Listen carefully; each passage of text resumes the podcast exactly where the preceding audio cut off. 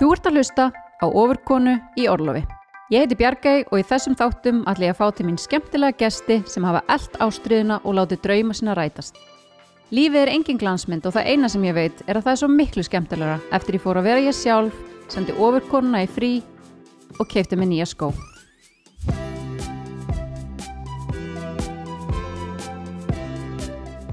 Vertu hjartanlega velkomin í ofurkonu í Orlofi, elsku Bryndís. Takk fyrir. Ótrúlega gaman að fá þig í spjall. Þú ert náttúrulega vanlega kallið Dísa, þannig að viltu að ég kalli þig Dísa Já. í viðtalinu? Ég tengi ekkert við Bryndísarnafni. Sko. Nei, einmitt. Finnst þér svo sem verið að skamma mig þegar ég kalli Bryndís? Já, fyndi, byrju, varstu alltaf bara kallið Dísa frá Bara- því að þú bara lítið stelpa? Bara frá því að ég, það var sungið Dísa í Dalakofanum í skýrninni minni skilst mér. Bara alltaf verið kallt Dísa síðan. Vá, Mm -hmm. það er æðislegt. En ótrúlega fallegt nafn, dóttir mín heitir einmitt Bryndís, þannig að ég tengi mjög við nafnið. akkurat, já, ég, þannig að ég hef alltaf tengt meira við Dísunafni, sko. Og Mhm. það er ekki fyrir en ég fór að vinna bara svona eftir ég var fullorinn í banka, að þá fór einhver að kalla mig Bryndísi. Þannig að það er svona virðulega nafni Já, það er svona fullorins nafni. Svona allt er í guðmynd. Uh, það er dásanlegt. En hérna, segðu mér aðeins bara frá þér. Ég náttúrulega veit ótrúlega margt um þig. Mm. En hérna langar að að leifa hlustendum að bara svolítið skiknast inn í þitt líf og þú ert að gera alveg magna hluti sem að mér finnst svo gaman að einmitt, geta bara svona fengið að segja frá og þú ert búin að breyta ótrúlega mörgu bara fyrir mig, við komum aðeins inn á það á eftir. Mm. Þannig að þú segir mér bara svona östuð, bara hver er Dísa? Já, þetta er svo fyndi, ég hef aldrei áður farið í svona viðtal. Mér finnst svona, nú, nú allt í hennu get ég sagt svo mikið, nú er Byrni ekki að tröfla mig sem er með mér í hlaðvarpinu. Nákvæmlega. Nei, já, ég heiti Dísa og ég er 34 ára, jú, ég er 34 ára. Það gerðist eitthvað eftir ég var 30, að ég er alltaf að rugglast á hvað ég gömul. En ég, hérna, er stjórnmálfræðingur að ment, en geri ekkert við það í daglega lífinu, maður, þú veist, töði yfir pólitík þegar ég er nenni.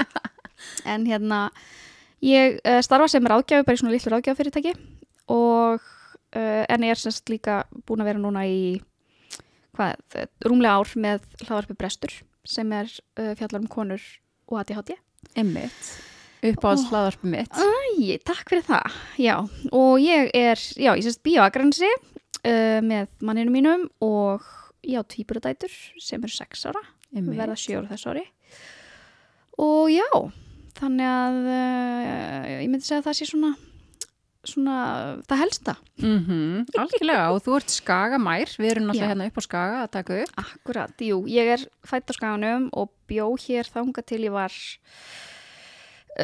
um nýjára, ég held ég sé að segja rétt, þá semst, eftir að fóreldrar mín skildu þá flutti ég í bæinn Mm uh, með mammu og sýstu minni og við vorum þar þanga til ég var 12 ára og þá flutti ég til Hollands og var þar uh, sest, uh, stjúpappi minn, já hann er eiginlega pappi minn líka, er, ég, kalla alltaf pappa en hann er vissulega stjúpappi minn, Einmitt. hann er hollendingur og við Já. fluttum til hans uh, þegar ég var 12 ára og ég var alveg í hóti í Hollandi þannig til ég var 21 Einmitt. þannig að ég, hérna, ég er einmitt svona eh, ég var að hlusta á eitthvað viðtal um, da- daginn þar sem að vera að segja svona að maður lifði í svo miklum bómul að þú veist, ég vissulega er skilnaðabann en þú veist, foreldrar mínir eru ógslagóði vinnir og, og stjúpforeldrar mínir eru, stjúpappi minn og pappi minn eru ógslagóði vinnir þannig að þetta er svona, vissulega kannski telst eitthvað áfall en samt svona mikil bómul sem ég hef verið í Algjörlega, það er náttúrulega ótrúlega mikil breyting að fara í gegnum það, þú veist að, að mitt fóreldrar skilja, Mhm. en svo náttúrulega mitt, uh, er þetta bara eitthvað sem að, þú veist, gerist og, og fólk Já, þetta ég var mjög ung, náttúrulega. og, Ég var, já, ég var átt ára, ég held ég sé ekki að ljúga þegar ég segi ég hafa verið átt ára. Og eins og þú veist, þau hafa örgulega ekki alltaf verið eins góði vinnir og þau eru í dag sko, en við allavega fundum ekkert fyrir því. En hérna, en já, þannig að þau, þú veist, hittast oft og borða saman og mér er ekki eins og bóðið sko, þannig að þetta er mjög, þau búið öll í svona fimm mínútna akstursfjarlæg frá mér, þannig að þetta er mjög svona þægileg búbla sem ég býði að nagransi. Já, það er æðislegt, þannig að þú Mhm. hefur sérst, þegar þú byrjaði svona að búa sjálf ákveðið að vera bara hérna áfram á Akranesi. Já, eða ég flutti fyrst sko þegar ég kom heim frá Holland þá var ég á stúdendagörnum Mhm. þegar ég var í stjórnmálfræðinni og, og kynnist sem sagt Jóni manni mínum þegar ég er í, eða ég vissulega þekkt hann fyrir en við fórum að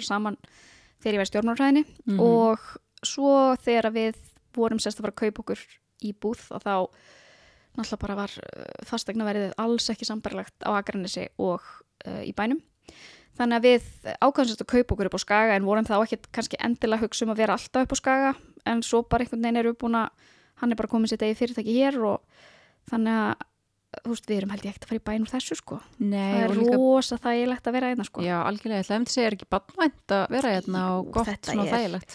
mér finnst nefnilega alltaf þegar ég þarf að fara í bæn í mér viku sem er ekki oft blessunlega að það er svo mikið meiri hraði í Reykjavík. Þú veist, hérna er einhvern veginn þú veist, stelpunar geta auðveldlega labbað að hjóla í skóla og eh, annars geta þær fara í stræt og hann stoppa fyrir utan húsi okkar og frí stræt og sem gengur bara að skólanum.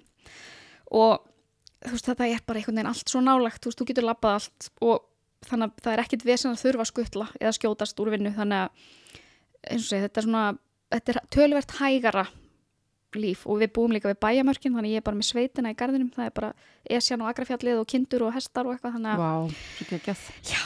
ég bý í mínu litla aðtíhátt í koti Já, algjörlega. Og talandi mitt um það, þú og, Birna eru með hlaðvarpið, Brestur, já, og hérna eru búin að vera alveg núna í hvað, eitt og hálft árið eitthvað. Já síðan í november 2022 emmitt. að þá hérna byrjuðum við, sko þetta byrjaði með því að við kynnumst í rauninni á ári fyrr á hérna námskeiði fyrir konur með ADHD á vegum ADHD samtakana Emmitt. og þetta var óksla fyndið, þú veist, við höfum ekkert aldrei talað saman eða, eða jú, við höfum hist svona í mýflugu myndi eitthvað tíman en ekkert, ekkert tengst þannig og Mhm. við sérst að endum bara því að sitja hlið við hlið á þessu námskeiði og bara það gerðist eitthvað, við bara gátum ekki hægt að kjafta og Einmitt. bara töluðum og töluðum og töluðum og töluðum og töluðum og ég meira sér að saði manni minn þegar ég kom heim af þessu námskeiði og bara það var svo fyndið, það var stelp á þessu námskeiði og ég bara, það bara gerðist eitthvað, bara við smullum saman. Og svo náttúrulega var þetta námskeið búið og þá náttúrulega glemdu við bara hver annari eins og, eins og konur með að ég hátt í gera. Nema árið setna þá uh, er hún að klára markþjálfarnám og er að óska sérst eftir að fá til sín fólk uh, bara til að æfa sig í raunin til að geta klárað hérna, markþjálfarnaprófið og ég með mína fordóma fyrir markþjálfum þá eitthvað svona oh, æ, ok, ég ætla að prófa. Og ég var alveg svona með þú veist mér finnst svona ekki einlegt pepp svona, sumir eru svona ofur peppaðir hópeflis típur svona, ég einhvern veginn var með þá mynd af öllu markþjálum, ég held að það væri bara markþjálun í heilsinni Emmitt. uh, og ég einhver hlut vegna ákveði samt að fara til hennar. Og hérna og það var svona svona líka bara geggjað. Hún sérst létin taka svona gildispróf og það, þetta er sérst ári eftir ég fæ greiningu og var búin að vera svona í eitt ár eiginlega bara pínlítið að kynna sjálfur mér upp og nýtt af því að ég fattaði bara þegar ég greindist og fór að sökka mér í ADHD að ég bara vissi ekkert um mig, Mhm. bara ekki neitt og hérna, og þarna sérst þetta er ógeðslega einfalt próf sem að þú það er bara lagt fyrir eitthvað spil og þetta er svo fyndið að það var ég bara eitthvað, já ok, þetta er svo sluti sem skipta mig máli og hérna, eitthvað sem ég hefði aldrei staldra við því að ég hefði bara svona Mm tekið þau stör sem er buðust og ekkert við að Mhm. pæli því en það greinlega fóru eitthvað einhvað, einhverju boltar rúla þá Mhm. því að ég held að það hafi verið viku setna eða eitthvað, þá er ég í baði heima hjá mér og er allt í einu að hugsa bara hvað er ekki til hvað hlaðar på íslensku um ADHD og konur og að því mér að spyrna svo óksla orðheppin og snið og ég semst sendi henni skilaboð Mhm. og hafði þá semst hugsunna bak við það var að hún myndi grípa það og fara að búa til hlaðvarp sem ég geti þá lustið á Akkurat. og hérna Góð hugmynd, sko. Akkurat og hérna og hún sagði bara, herru þetta geggju hugmynd, skulum gera þetta. Eh, hún er svona meiri dúer en ég. Og hérna og ég var fyrst bara eitthvað svona ah, þú veist, mér fannst þetta alveg svona pínustökk að því að ég var þarna alls ekkert búin að segja mörgum nema bara mínu nærum hverju ég væri mati hátt ég Mm þó að þetta hef ekkert verið eitthvað bílu skömm en mér fannst þetta samt svona ég þyrfti kannski að fara að segja meira um sjálf, frá sjálfur mér heldur en ég væri vön að gera. -hmm. en ég fann samt bara ógisla stert að þetta var eitthvað sem mér langaði þú veist, í fyrsta lega hugsaði ég þetta er eitthvað sem ég hefði viljað ha- hafa fyrir árið síðan. Þú veist, einhvað þar sem, að, sem ég get spegla í, um, og bara heyra maður er ekki einn með allir sína bresti sko, af því að maður alltaf upplifir sér svo inn í heiminum. Þannig að við svona líka ákvaðum að henda okkur út í djúbulegina og vorum á tíu dögum búin að gefa tvista þáttinn. Já, sem er náttúrulega eitthvað met. Já, Þú veist, að byrja með hlaðarpútið það er alveg hellingur sko, sem að þarf svona að græja á þannig og þið eru bara, þú veist, þið takið þetta bara á einhverjum svona ljósráða. Já, þetta er, þarna koma kostir að ég háti hyperfókus inn, sko, Mhm. að við vorum bara, við sváfum nánast ekki þarna í tíu daga, því að við bara ætluðum að gera þetta og vorum ógeðslega spenntar og Mm -hmm. lærðum, þú veist, hljóðblöndun og byggum til stef og Já. bara, þú veist, og við meiri sér byggum til sko Instagram aðgang áður en við vorum búin að taka upp fyrsta þáttinn, þannig við vissum ekki einu sinni hvort við gætum tekið upp þátt sem er skemmtilegur að hérna en við bara, og ég held að þetta sé líka bara veist, þetta er bara þegar þú finnur í maganum að, að þetta er eitthvað sem þú vilt gera og sem þú brennur fyrir að þá lætur það bara ganga veist, það Algjörlega, er þetta er bara svona, svona gött feeling, bara Já. innsæðið er að kalla á þig. Akkurat og hérna, ég er alveg vissum að ef, þetta, ef ég hefði heyrt af þessari hugmynd bara daginn sem ég fekk reyningu ég hefði aldrei þórað og ég hefði aldrei gert þetta en þarna var ég bara búin að fa- fara í eitthvað ákveðna sjálfsvinnu þannig að ég þorði að hlusta á innsæði mitt Mm -hmm. en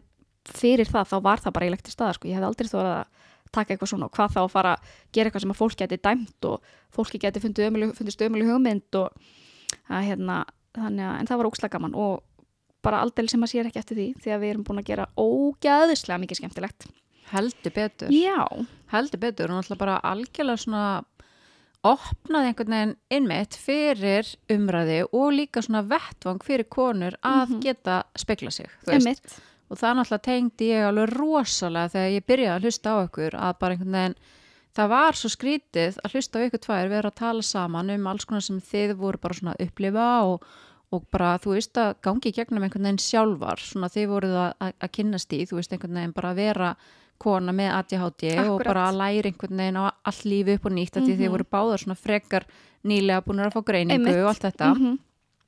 og eins og fyrir mig, þú veist, verandi kona með ADHD, þú veist, þá bara hafði ég ekkit uh, margar konur í mínu lífi sem gátu sagt mér, þú veist, Einmitt. bara hvað þær voru að upplifa og hvernig, þannig að þú veist, þegar ég var að hlusta á ykkur, þá var ég alltaf bara já, ok, er þetta út af því að ég er með ADHD Einmitt. þú veist, og bara svona já, ok, það eru fleiri sem- eru með svona heila Mhm. og gera hlutina svona eða Já. hugsa svona, þú veist, þetta var mjög svona bara einhvern veginn skrítið að hlusta á ykkur tala um eitthvað sem ég væri að upplifa og var í raun og verið búin að vera að upplifa mjög oft og lengi Einmitt. að ég væri ein með. Akkurat og það er einmitt að þú veist, ég veit, ég hef ekki töl á því hvað við höfum fengið skilabóð frá sko konum á öllum aldri, þú veist, við erum að tala um 60 pluss og bara niður í 18 ára. Þú veist, að stelpum er að segja bara ég bara hafði aldrei hugsað að það gæti mögulega verið ykkur önnur en ég sem að vera gangi gegnum þetta. Að hérna, og það var einmitt mjög fyndið þegar við vorum tiltölulega nýbyrjar að, að ég á frængu sem er svona hún er í kringum 60 og hún saði við mig hún bara veistu þegar ég er að hlusta hlaðarp mér finnst svona eins og ég sé að hlera samtal sem ég svona eins og ég sé á kaffihúsi að hlusta á vinkonur tala saman ég ágjöf að hlusta á þær tala.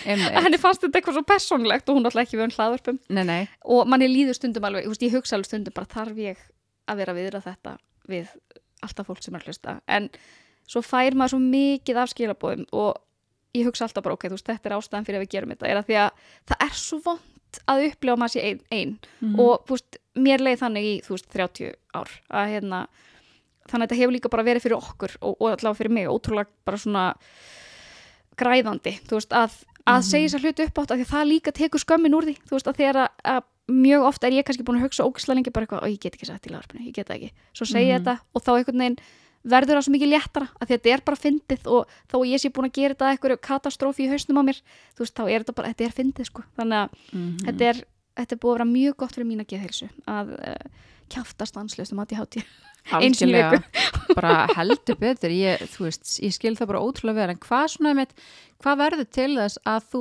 til dæmis ákveður að fara inn í greiningaferli og þú veist, Já. láta svona skoða það bara, er ég með ADHD? Einmitt, það átti sér mjög langan aðdraðanda.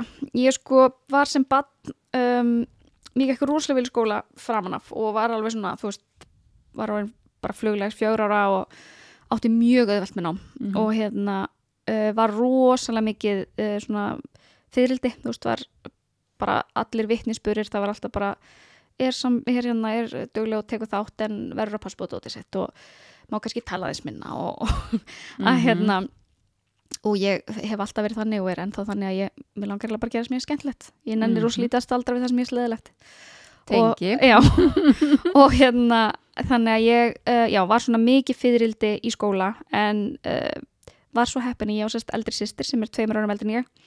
Og hún tók bara svolítið þann bolta fyrir mig. Hún bara passaði að ég var ekki að týna dótinu mínu og passaði að ég væri með sundtöskuna og allt þetta.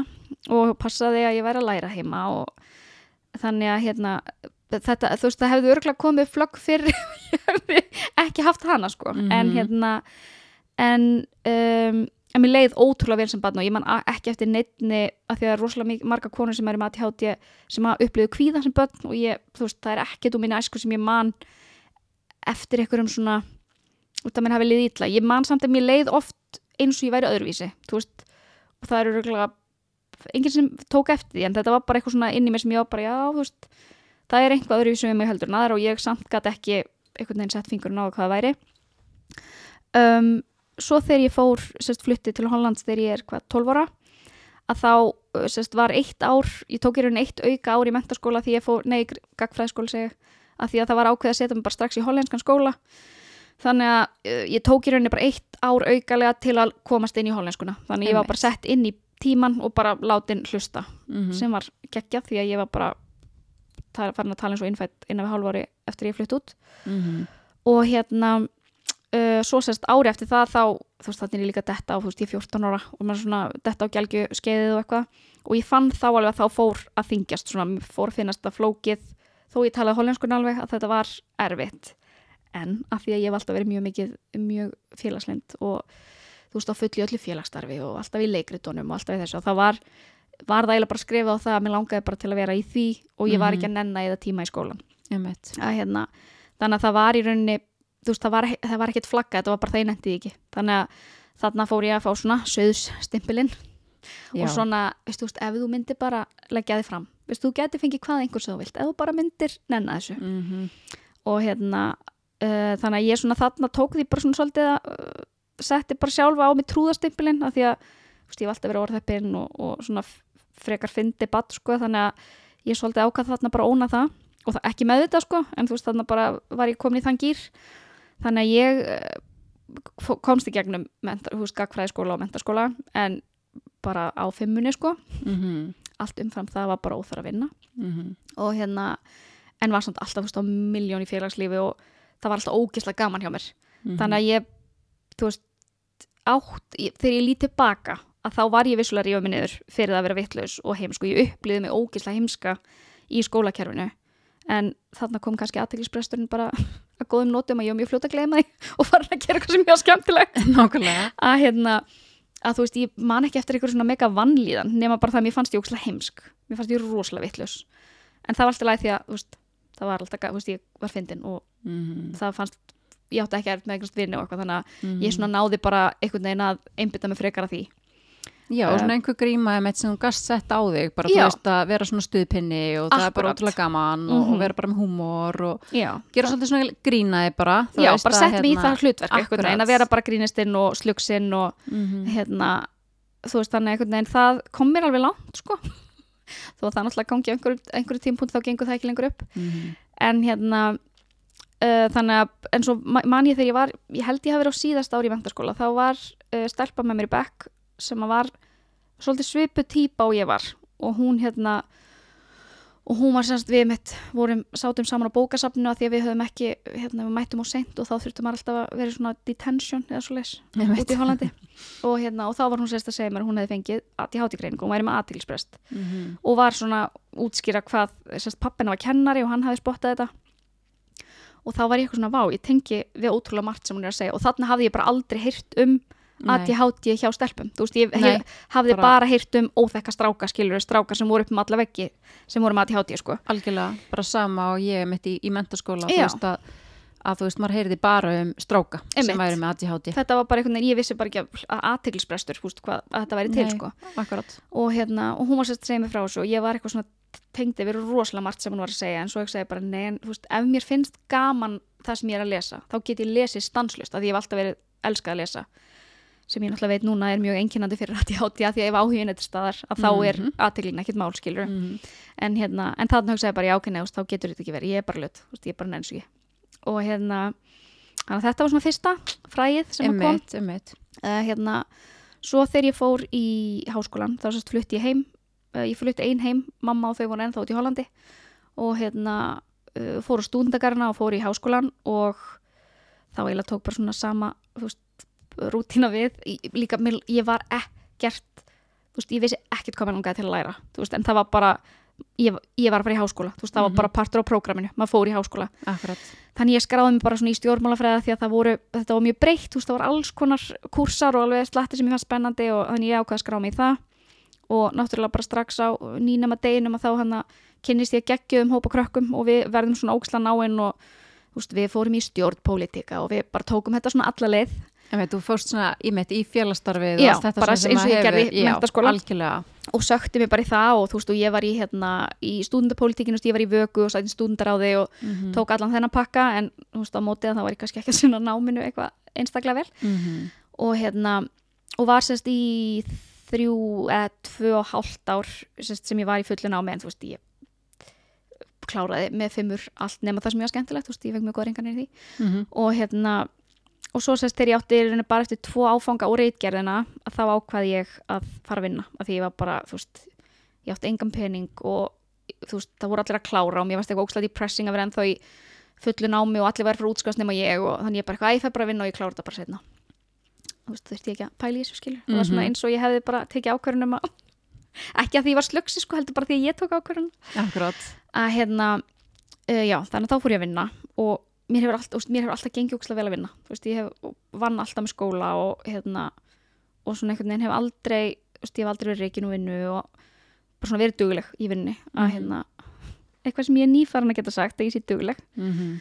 því að ég, mér fannst ég alltaf svo löt en hérna, uh, þannig ég fór bara að vinna var að vinna í landsbankanum og þú veist, þá var einhvern veginn þú veist, ég fann minna fyrir þessu í vinnunni að hérna, þegar ég var ekki skóla og var að vinna að því að þá einhvern veginn, þetta var bara, ég var í þjónsistarfi þannig að þú veist, það kom bara kúni til mín ég vekk verkefni, svo kom næsti kúni þú veist, þetta var einhvern veginn, það var alltaf verið að halda manni við efnið og Mhm. hérna, en var samt alltaf var ég á minni fyrir bara þótt en þá eftir að skilisari má maður segja fokking í þessu lagarpi Það má segja allt í þessu laðarpi.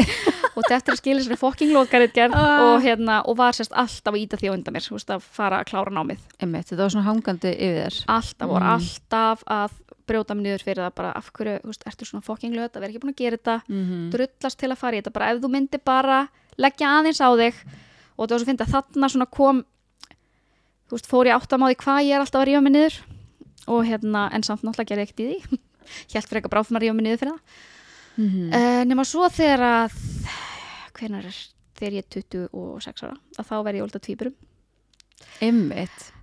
sem er verkefni Svolítið stórt verkefni. já, það er það sko og þá einmitt ég man einmitt ég hugsaði sko þegar ég var var það ólétt að hérna þá hugsaði oh, ok, geggjað það, úst, ég er að fyrir fæðingar þá get ég Mhm. skrifað reitgerna Já, með tvíbura líka. já, ég bara einhvern veginn, ég menn ég hvort það er heima þú veist, ég hlýt nú að geta hendi eina lokareitgerð Nákvæmlega, bara svona með annara hendinni. Af því að hinn er ekkert uppteknar. einmitt að hérna, og alveg, þú veist, og meiri sé að þegar ég var í fæðingaról, ég var alltaf að rífa mig niður fyrir að ég var ekki að gera sér reitgerð sko Mm. samt, þú veist, var ég á miljón Já, ég get trúa því. já, Mm að hérna og svo já, sérst egnaði stelpuna mínar 2017 Mhm. í september og það var uh, rosa pakki það er hérna sváfu rosalega lítið í bara eitt og hálft ár Mm. að hérna við eiginlega, það sváfu aldrei lengur en hálftíma á daginn í einu og Vá. hérna og svo svaf sérst önnur þeir aldrei á nóttunni þannig að þú veist, það var bara Þetta hefur verið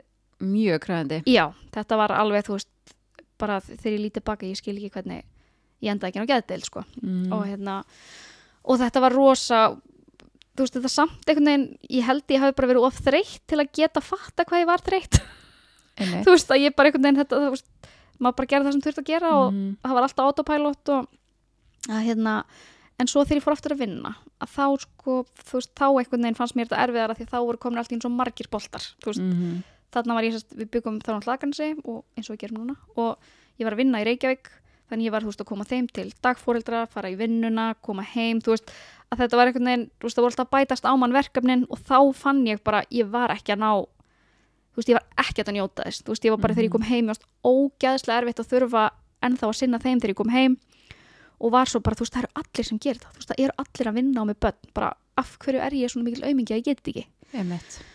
Að hérna og þarna var ég alveg svona veist, fann ég að það þetta átti ekki að vera svona erfitt. Veist, þetta það hlýta að vera eitthvað. En, og þarna var ég líka komin var svona Instagram þegar svona algoritmin var komin. Veist, þá komin svona myndbönd um þú ert með ADHD ef að þú veist, þegar maður farin að sjá eitthvað svona. Mhm. og ég tengdi við allt, þú veist, þá bara ef það voru konur þá var ég bara já, já, já, já. En samt Mhm. hugsaði ég alltaf bara, nei, þú veist bara að reyna að finna afsökun. Þú veist bara að reyna að finna afsökun fyrir því akkur, þú veist, akkur út svona hlut Mhm. Og hvaða svona, þú veist, á þessum tímapunkti, þú veist, Mhm. þegar þú ert um að tala um bara, já, ég tengdi við þetta allt. mm -hmm. Hvaða svona atriði varst að tengja við? mm, sko ég náttúrulega tengdi rosalega við þú veist, þetta með aðtiklisbrestin að geta ekki sko ég tengdi rosalega mikið við þetta erfiða með heimilisverk þú veist að þú veist það gæti verið svo mikið drasli kringum mig og ég bara gæti ekki, ég gæti ekki komið mér að stað í að ganga Mhm. frá því Mhm. Þú veist það var það og og um, má ég skjóta einu inn í hérna Mhm. að, að varstu líka, þú veist að þú veist skilur að, að vaska upp og þá var uppþóttulegurinn búinn þannig að þú ákveður að fara inn í geimslu sækja Akkurat. uppþóttulegu og þú fer Mhm. þangað og þá ertu eitthvað, já, Þá átti eftir að taka þvottuvelin er búinn og Mhm. hérna, þá byrjar að taka akkurat en þá myndur allt í henni bara eitthvað, nei, herbiti, ég var að hlusta hérna, ég var að hlusta á eitthvað í símanum, ég ætla að fara að ná í hann og svo ferði að ná í síman en þá sér skilabóð frá einhverjum og bara, já, herði, ég átti eftir að ringi mömmu. Mhm. og svo ertu búin að ringi hana að þá ertu bara, hérna, sástu að í kringu þau var eitthvað rusla gólfinu þannig að þú bara ákvæmst að ná í riksun og fara riksu og þú veist, tengdur við þetta Já, þetta, þú veist, að vera byrjuð á klárar í rauninni 50 aldrei hlutum. neitt, já, byrja á 50 alltaf- hlutum og klára ekki neitt. Já, akkurat. Að hérna, þú veist að það var og þú veist að ég, og ég mynd þetta var líka og líka með sko þetta að vera alltaf að sóna út. Þú veist að maður er að reyna að hlusta og einmitt dótti mín sagði mér um daginn ég var bara óelsku bann og bara stundum þá er kennarinn að tala. En, en ég er að hugsa svo mikið ég heyr ekki hvað hann segir. Og ég var bara já, já, ég tengi. já, já, ég tengi. Að hérna, þú veist að þetta er svona að bara, maður einhvern veginn fær ekki breyk frá hausnum á sér, þú veist að það er Akkurat. bara alltaf, Þetta svo biluplata allt á bara. mér- já, Mhm. að hérna þannig að þú veist, þarna var ég alveg svona farin að hugsa en samt einhvern veginn hafði ég ekki þú veist, ég var ekki tilbúin að fara í greiningu, þú veist, þú var einhvern veginn svona ennþá mjög mikið svona í þessu frá mér Mhm. um, svo þegar þær eru svo náttúrulega um COVID og ég sérst byrjaði í nýr, nýri vinnu áramótin 2019-2020 Mhm. og þá sérst fer ég bara í þessast vinna sem ég er í núna og þetta er bara lítið ráðgjafafyrirtæki og veist, ég er bara oftast ein á skrifstofunni Mhm. og svo náttúrulega í COVID þurfti ég að fara að vinna heima inn og þarna var ég þú veist að læra nýja vinnu sem var bara margt nýtt að læra á flókið og uh, stelpunir náttúrulega voru svona on-off í leikskólanum.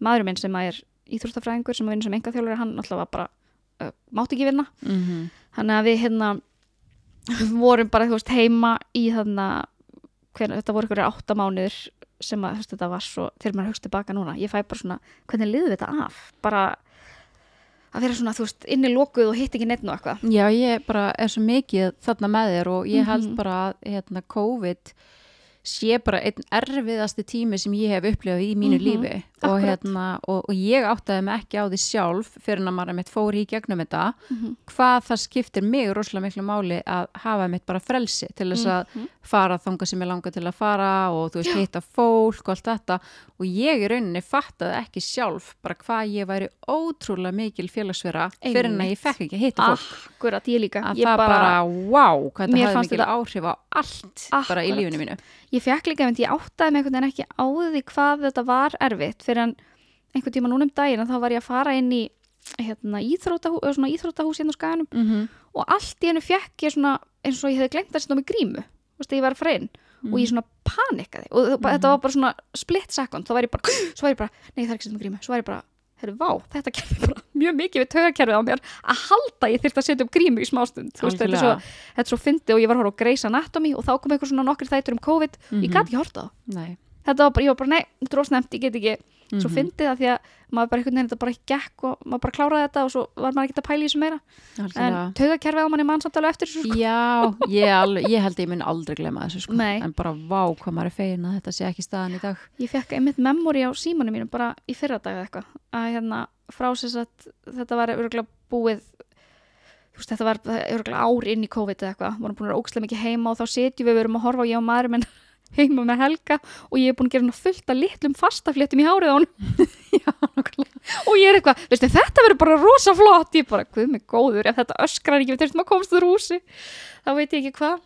En hérna, eh, hvað, já, ég var að segja með greiningarferlið. Að Já, hérna, svona, með, þú veist, í COVID þá ertu náttúrulega mikið bara lokuð heima og þú Já. veist, allt er einhvern veginn öðru vísi mitt Mhm. Já, og þurfti bara að vera Og- að læra á nýja vinnu þar sem ég þurfti bara að reyða á sjálfa mig að sitja við ykkur tölvu Mhm. og vera, þú veist, þetta, þetta var svo erfitt og mér fannst Mhm. þetta bara, þú veist, guð minn góður, þetta var hryllingur og hérna, en samt einhvern veginn var ég alltaf í þessu undan var, ég held ég að samt þá verið byrjuð að segja þetta um manni minn, eitthvað svona mm, þú veist, Mhm. það hlýtur að vera einhver ástæð fyrir ég svona, að hérna að það var, já, þú veist, ég, ég, var, ég, ég var alltaf að koma svona nær og nær því en Mhm. svo sem sagt uh, missi ég frængu mína sem Mhm. var bara mjög hún var bara 50 að hérna, og hún er 51 árs reyndar hún deyr, að hérna úr krabba minni og við vorum ótrúlega nánar og bara, þú veist ókysla fyndið þegar ég pæli í þessu núna að hérna, ég veit að fölta fólki sem trúir ekki á neitt svona að handan, en ég trúa það þannig að það bara að hérna hún sem sagt var svona ótrúlega mikið svona fóð sínir einleiðir og var svona veist, hún ringdi í mig þegar ég var að fara að halda upp á ammæli eins og stædrar minna, hún var bara nennur please, þú veist, börnin eru eins ás Mhm. Þú þarft ekki að halda Instagram ammæli bara þeim, þú ert þreytt bara þeim er alveg sama. Hvernig, Mhm. þú veist, ef það er bara veisla þú þarft ekki að gera allt fínt og eitthvað fyrir fólk sem að, þú veist, hún var alltaf svona að minna mig á að hæja á mér. Mhm. og einmitt eitt af síðustu skiptunum sem ég fór að heimsækjana þá labbaði ég inn og hún horfði á mig hún sagði, eigum við að leggja okkur? Og ég bara, ha? Eigum við að leggja okkur, ég bara, já takk. Og við lögðum okkur í einu og hálfan tíma. Veist, hún bara einhvern veginn svona Ah, Hversu geggi típa geggju sko. Og hérna og þú veist, var samt svona veist, fór mjög mikið svona sínir einleiðir og hérna og ég er mjög oft að hugsa bara að hún hérna, að hún- hefur ítt mér út í þessa greiningu. Því að bara nokkru vikum eftir að hún dó og þá var ég bara, nei, ég get ekki meir. Mhm. að þetta var rosalega mikið áfall þegar hún dó og hérna, ég átti rosalega erfitt og ég fann þá bara, ég var bara, nei, ég þarf núna nú þarf ég eitthvað að gera í mínu málum Mhm. þannig að ég fór uh, pantaði með tími á sálfræðing og maður alltaf eiginlega þú er ekki að segja þetta í dag eins og greiningin er núna sko, langa Einmitt, tími en ég fekk bara tími á sálfræðing uh, þremur vikum eftir ég ringdi og um, fór í gegnum sem sagt, þessa spurningalista og allt þetta og, og ég var sko þegar ég var að býða eftir tímanum að þá var ég svona tíu sinum ætlaði ég að hætta við að fara að því ég hugsaði Mhm. bara er ég að fara að eyða 150 skalli og fá svo að vita eitthvað svona, æ, veistu, þú, þú veist, þú ert eitthvað smá en þú veist, þú ert samt alveg innan marka, skilur, þú veist, að fá þá einhvern veginn svona endanlega staðfestingu á því að ég væri bara löt. Akkurát að hérna, og ég einhvern veginn var bara var, ég, og það var bara, ég var ógæsla rætt um það. Þannig að Mhm. ég hérna, já, eins og segja, ætlaði að hætta við tíusnum en hérna uh, svo fer ég fylli út þessu spurningalista það er sérst ég fyllt út og mamma og sýsti mín og maðurinn minn.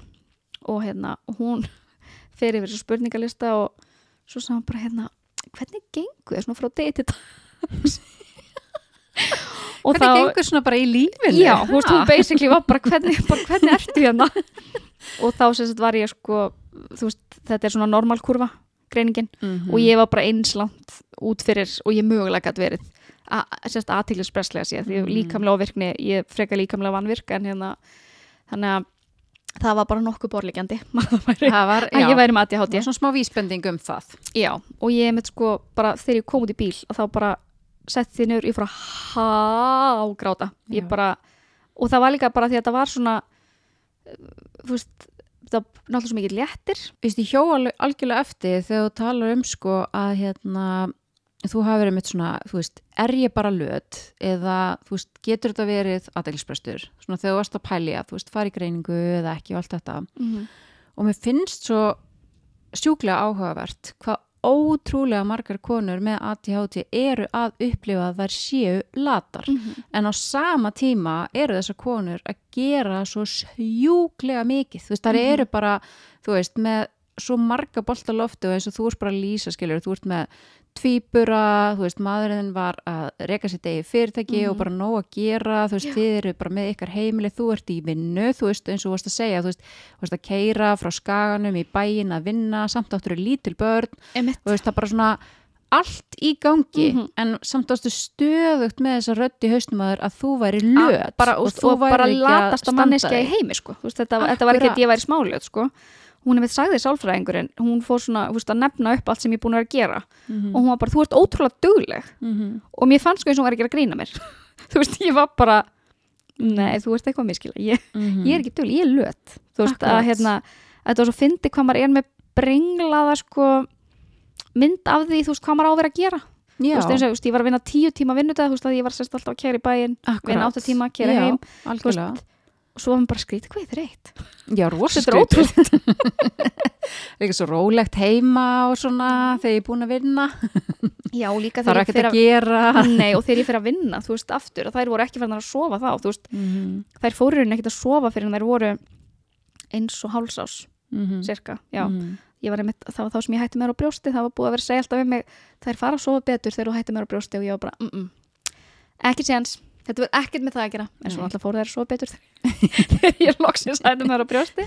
En þú veist, Mhm. margar gæðastundir. Já, algjörlega. En hérna, já, að þú veist þetta er svo fyndið hvað maður, maður líka setur svo miklu, miklu, miklu meiri kröfur á sjálfa sig, þú veist ég hefði aldrei, ef að vinkona mín verið að gera það sama og ég var að gera, mm -hmm. þú veist minn, ég hefði aldrei sagt við hana bara eitthvað svolítið löt, skriður sér ekki búin að reyksa veist, Mhm. maður gerir bara svo óraunhafar kröfur á sjálfa sig að það er fáránlegt sko bara algjörlega og Mhm. ég held líka því að þú veist við sem erum með ADHD að þú veist hausin á okkur hann stoppar aldrei þannig að við erum alltaf á fullu en svo náttúrulega þú veist keirum að sér algjörlega út að þú getur ekki tekið slökun skilur, Mhm. þú veist, ef þú vinnur ekki með það þú veist, ef þú ert ómeðvitaður þú þú ert alltaf á fullu og svo endar hann náttúrulega í svona dopamin krassi, þú veist, að þú bara gjörsanlega búin að keirað út, þannig að Mhm. þá ertu alltaf að fá svona þessi síþreytu köst og bara Já. svona lamandi þreytu og bara svona þessi bugunar gjörsamlega bara. þú, bara Mm. þú veist, þú getur bara valla hreiftig, þú veist, Mhm. þetta er ekki þú veist, þetta til dæmis líkist ekkert svona venjulegur þreytu, þú Nei. veist, það er bara þreytt eftir uh, langan dag í vinnu eða bara Einmitt. vera á æfingu og bara mikið að gera eitthvað svoleiðis þetta er allt annað er en svona venjuleg líkamleg þreita Já,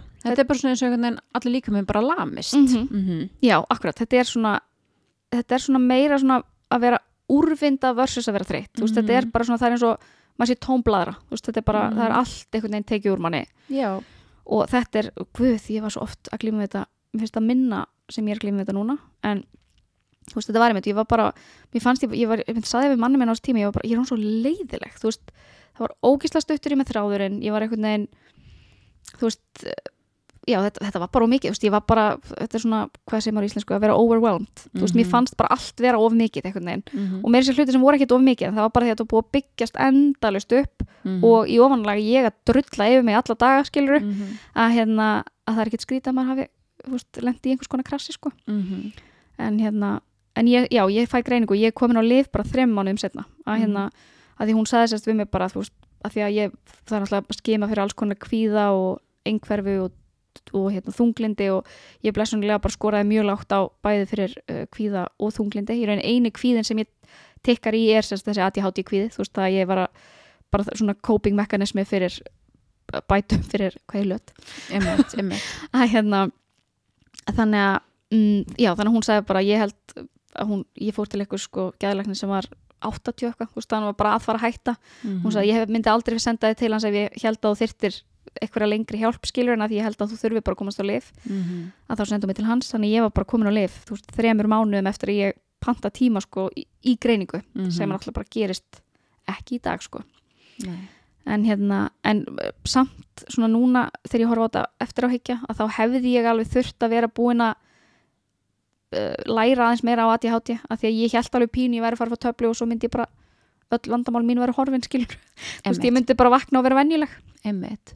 en, Og líka kannski bara við kemur aðeins inn á þetta bara, þú veist, ég menna heilbriðskerfið á Íslandi er ekki með einhver svona bara, þú veist, almenn úrræði, veist, og eins og Þú þú, talar um að, að þú þarfst bara að finna svolítið út úr hlutunum sjálf og hérna, og þú ert náttúrulega bara ótrúlega heppin og bara í svona forréttinda hópi ef þú kemst að hjá geðalækni, þú veist, það er bara mjög erfitt að, að Mhm. komast að.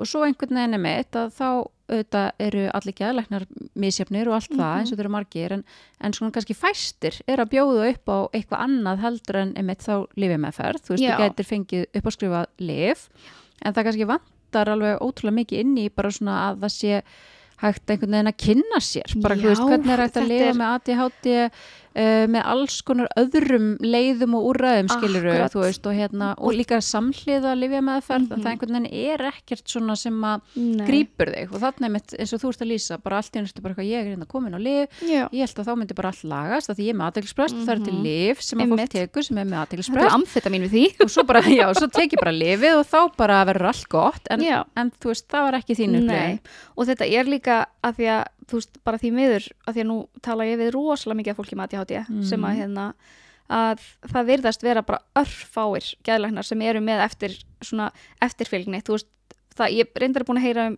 tvo held ég sem eru með alveg bara svona prógram bara, algjörlega, þú ert að fara í hóptíma og eitthvað sem náttúrulega ætti að vera bara krafa. Algjörlega Að hérna- að því að þú veist að því að jújú, jú, lifir er frábær en þau gera samt svo takmarka þú veist, ef þú veist ekkert um sjálfa þig þá eru þessi lif að fara að gera rosalega lítið fyrir þig. Mhm. Að hérna þú veist, ég myndi alltaf vilja frekar, þú veist, ef, ef að valið hefði staðið á milli þess að fá lið eða fara bara í ársprógram þar sem að það verið að kenna mér á bara fæðingu, nei fæðingu alls ekki fæðingu, að hérna næringu ætla ég að segja þess að fæða og næringu.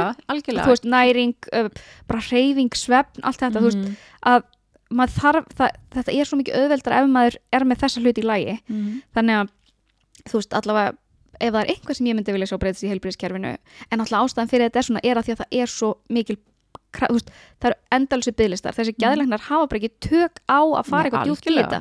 Þeir eru bara að keira í gegnum þessa bygglista þannig að hérna, þú veist, það er svo mikil þörf á að uh, þú veist, að því eins og ég skráði mig á þetta námskeið þannig áfram stelpur hjá ADHD samtökunum en Mhm. það var ekki eitthvað sem mér var bent á. Þú veist, það var bara eitthvað því að ég fór sjálf að leitast eftir efni, þú veist, Mhm, einhverju sem geti hjálpað mér mhm, en það er okkur fullt af fólki sem fattar það ekkert þannig að, veist, mhm. það er ókslega vond að það sé bara hér og lið uh, ef þau virka fyrir þið frábært, ef ekki gangi vel, veist, Mhm. að þá bara þarf að finna sjálf út í því hvað það ætlar að gera, sko Mhm. og sérstaklega þegar maður fær greiningu svona seint maður er búin að vera, veist, í 30 ár að rífa sig niður veist, maður veit ekki neitt um sjálfan sig og þarna fær maður eitthvað vonar glætum að það sé að það laga eitthvað og ef það virkar ekki, þá er eitthvað neginn fallið ennþá hærra, skilur að hérna, þannig að en, en ekki það, lifin hjálpuðu mér alveg helling, sko, Mhm, og ég kláraði lokarit gerna mína, mhm. tíu árum eftir að ég byrjaði námnu Einmitt. og hérna uh, þú veist, þannig ég, ég gerði það og ég sest, byrjaði fyrst á lifjum sem að mér fannst hjálpa rosalega mikið við uh, svona líkamlegu vanvirkuna mína Mhm. af því að ég er mjög þú veist, kvildapúlsum minn er þú veist 55 eða eitthvað. Mhm, að hérna, og mér fannst þessi lif hjálpa mjög mikið við það og fyrst var ég bara eitthvað ekki geggjað af því að ég gat, þú veist, farið það, svona, það sem ég fannst mest mun á þeim lifin var ég þurfti ekki alltaf að vera að rífast við hausin á mér þú veist, ef ég ætla á æfingu, þá mhm. bara fór ég á æfingu Einmitt. og ég gerði bara, tók klukkutíma æfingu og svo fór ég heim Mhm. á meðan að fyrir það þá þú veist, ákvaði ég að fara klukkutíma æfingu ég var kannski 20 myndir að rífa mig af stað svo byrjaði ég Mhm. svo hugsaði, ah, ekki bara taka 45 Mhm. ah, og það fór, öll orkan mín fór í það að rífast Mhm. sem versus það sem heilum vildi gera. Akkurat. Að mér fannst það bara lífskeiði bara guðminn almáttur, þetta var svo mikill munur. Mhm. að hérna uh, en aftur á móti fannst mér þegar ég var búin að vera svona lifið mér svona halvt ár þá, þú veist, mér fór að líða svona eins og ég væri alltaf búin að drekka mikið kaffi. Þú veist, að ég var Mhm. svona þú veist, hausnámið var samt alltaf á miljón en þarna var ég líka ekki búin að fatta hvað hausnámið er ofirkur Einmitt. Þú veist, ég held ég einhvern veginn var bara búin að fatta ég væri með aðteklisbrest en, úst, og ég væri líkamlega vanvirk. En þessi lif gerðu hausnámið ekkert róleri Og- Og varst kannski ekki endilega svona að fatta fram að þessu bara hversu ofverk þú væri líka. Akkurat, að Mhm. hérna að ég held að ofvirkni væri bara líkamlega ofvirkni. Einmitt. En hérna, og þá sérst hætti ég ákveði bara hætti á lifjum og ákveði að prófa bara mér veginn fannst ég verið búin að, úst, ég var búin að lesa fullt af bókum og uh, tók hana nokkra mánuði sem ég var ekki á lifjum og það var þú veist, jú, jú, ágætt af þessu liti en, en fór mjög hratt og örugla aftur í þetta niðurif og Mhm. allt það og hérna en svo, svo sérst komst ég að fór ég á önnulif og það, það var svo fyndið þegar ég tók við í fyrst skiptið, ég var bara mér líður sér að tekið svona gleðipillu að Mhm. þetta bara svona að því að nú er hausin á mér segjum að hausin á mér sé að þú veist 40 rattir vanalega en þarna bara svona fóra niður í kannski svona 5 Já þú veist það var bara eins og einhver hefði tekið vol, þú veist, bara hæ, Mhm. lækkaði bara í hausnum á mér ég bara Já. svona Mhm. oh my god Mhm. að hérna, og þá fyrst fattaði ég að það var það sem var búið að vera ángra mér svo mikið og þess vegna fannst mér ég vera svona overwhelmed Mhm. að því að það var alltaf eins og væri miljón manns að öskra á mig einu að hérna, þannig að þú veist það var eins og ég var að horfa á að vera í sjónvarpinu á hérna Masterchef með honum hann Gordon Ramsay og ég fekk bara svona oh my god, það var eins og væri svona ógeðsla margir Gordon Ramsayar alltaf Mhm. að karga á mig bara ég veit það, ég, ég tengi svo rosalega við þetta eins og þú veist að Mhm. lýsa þess, ég man eftir bara á fyrsta deginum þegar ég sagt, prófaði ADHD-lif í fyrsta Mhm. skipti og þetta var svo skrítið að ég var bara svona, ég labbaði svona um allt heimi hjá mér og, og ég var alltaf bara eitthvað svona, vá hvað hljótt hérna, mm -hmm. rosalega rólegt hérna inn í eldúsi núna fyndið, sko. og veist, og svo fór ég inn á- inn þóttahús eða eitthvað og bara svona rosalega heyrist lágt í öllu og bara þú veist það var svona eins og allt svo lágstemmd. já það væri búið svona að lækka í öllu þetta er og þetta er svo skrítin sko. tilfinning að því ég held um þetta fólk sem að til dæmis er ekki með ADHD Mhm. það gerir sér sko enga grein fyrir því hvaða er mikill háaði í hausnum á okkur Nei. sem eru með ADHD og bara hugsanar eins og þetta þú veist að hérna maður er að fá bara, þú veist, þúsund hugsanir á mínútu Mhm.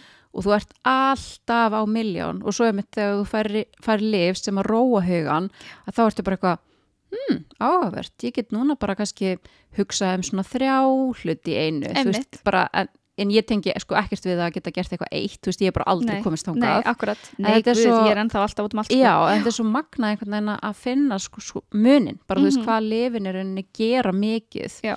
og þetta er svona bara einhvern veginn, þú veist, ég allavega upplifið bara eins og það væri svona bara búið að endur forrita einhvern veginn í mér heilan, veist, þegar ég væri á ADHD lifim, af því að þá bara einhvern veginn svona já, ertu með allt aðra stýrifærni og Mhm. þú bara sérð hlutina í öðru ljósi, þú veist, miklu minni háfaði, allt í einu gæti farið að gera hluti sem að ég bara erfiði erfiðaði rosalega mikið Mhm. við, sko. Mikla óksla fyrir sér alltaf Já, og bara þú veist, þetta var einhvern veginn, þetta, þetta er mjög svona, þetta er alveg mjög magnað, veist, Mhm. og að upplifa þetta og ég einhvern veginn tengdi mitt svo mikið við bara þegar ég fór að hlusta á ykkur og bara svona, vá, þú veist, ég er ekki ein þarna og ég var ekki einhvern veginn ein, þú veist, Mhm. þetta er svona, þessi tilfinninga sem við erum búin að tala um að maður, veist, auðvitað þekkir þú ekkert annað en þinn eigin haus, Nei. þú veist, maður er aldrei inn í annara manna Mhm. haus, þannig að svo þegar þú færði eitthvað sem að hjálpar þér, að þá bara svona, wow, ok, Akkurat. eru, eru sömur bara með svona heila, Já. veist, þetta er svona þessi tilfinning, sko. Einmitt. Mér finnst líka sérstaklega hérna, þegar ég sérst, og ég finna þetta alveg ennþá stundum sérstaklega Mhm. við teklum mjög snemma á mótnana Já, að þegar ég leggst upp í rúm á kvöldin að sko, sko ekki nóg með að það eru sko 50 manns að koma hugmyndir heldur er sko líka einhver með þú veist Mamma Mia á heilanum að syng, öskur syngja það já, já. ofan í hugmyndina Mhm. skilur þú veist að Mhm. fólk fattar ekki veist hvað þetta er þetta er svo mikið læti Já, ég veit það. ég er mjög hávar kona en Mhm. þetta eru sko, veist, að ég þarf alveg bara svona þú veist, ég þarf að ná mér svo mikið niður, Mhm. þú veist, til að ná að slökkva á þessu sko, að hérna að þetta er, ó, þetta er rosalegt en, Já, og mér langaði að koma með þarna aðeins inn á svefnina því að þú veist eins og uh, bara margar konur eru að glíma við alls konar svefnvandamál, ekki Mhm. endilega þær sem eru með ADHD en þú veist, það er eiginlega þannig að þú veist, við konur erum bara undir ótrúlega miklu álægi og við erum með þú veist þúsund hluti sem við þurfum að græja á hverjum degi, þú veist, ég held að allar einhvern veginn tengi við það. Mm og ég var einmitt líka á þessum stað, þú veist, að átti ofbúrslega rætt með að ná mig niður á kvöldin en svona búin að vinna svolítið með það, þú veist, hvernig eins og með þinn svefn, hvað hva hjálpar þér? sko, ég nefnilega ég er, held ég mjög partur af mjög lítilli prósentur sem að á örgulega auðveldara með svefn en meðal ADHD mannskja Mhm. ég hérna, þegar ég var yngri bara al, þú veist, ég gæti sofið allstaðar, Mhm. alltaf. Og þú veist, mamma mín mitt hefur grínast með að það var nóg að segja bara það er nótt, þú veist, það var bara svaf ég, skilur það var ekkert vandamál.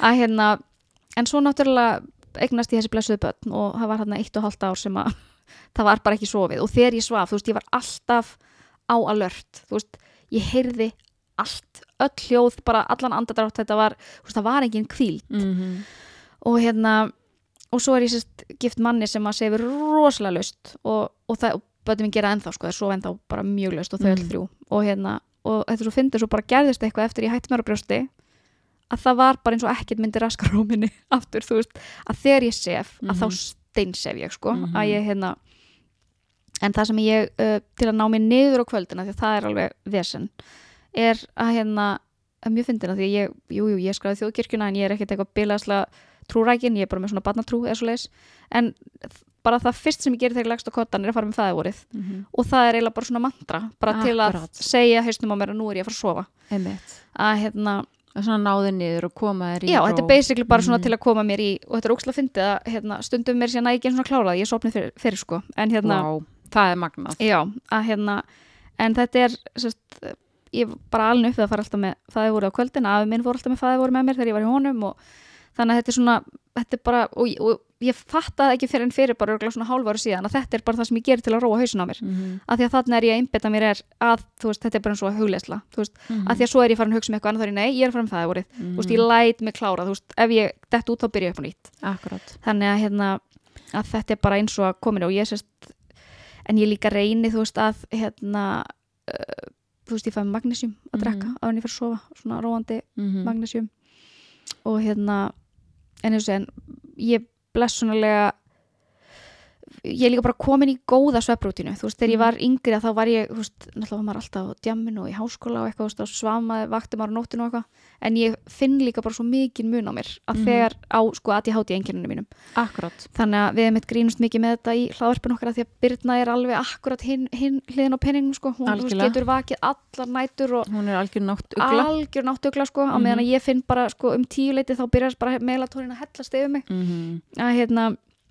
að Mm ég finn sko ég reyni bara eins og ég get að ná alltaf 8 tíma svefn -hmm. af því að ef ég sef í 8 tíma þá bara er allt auðveldra þú veist Mhm. það er bara Einmitt.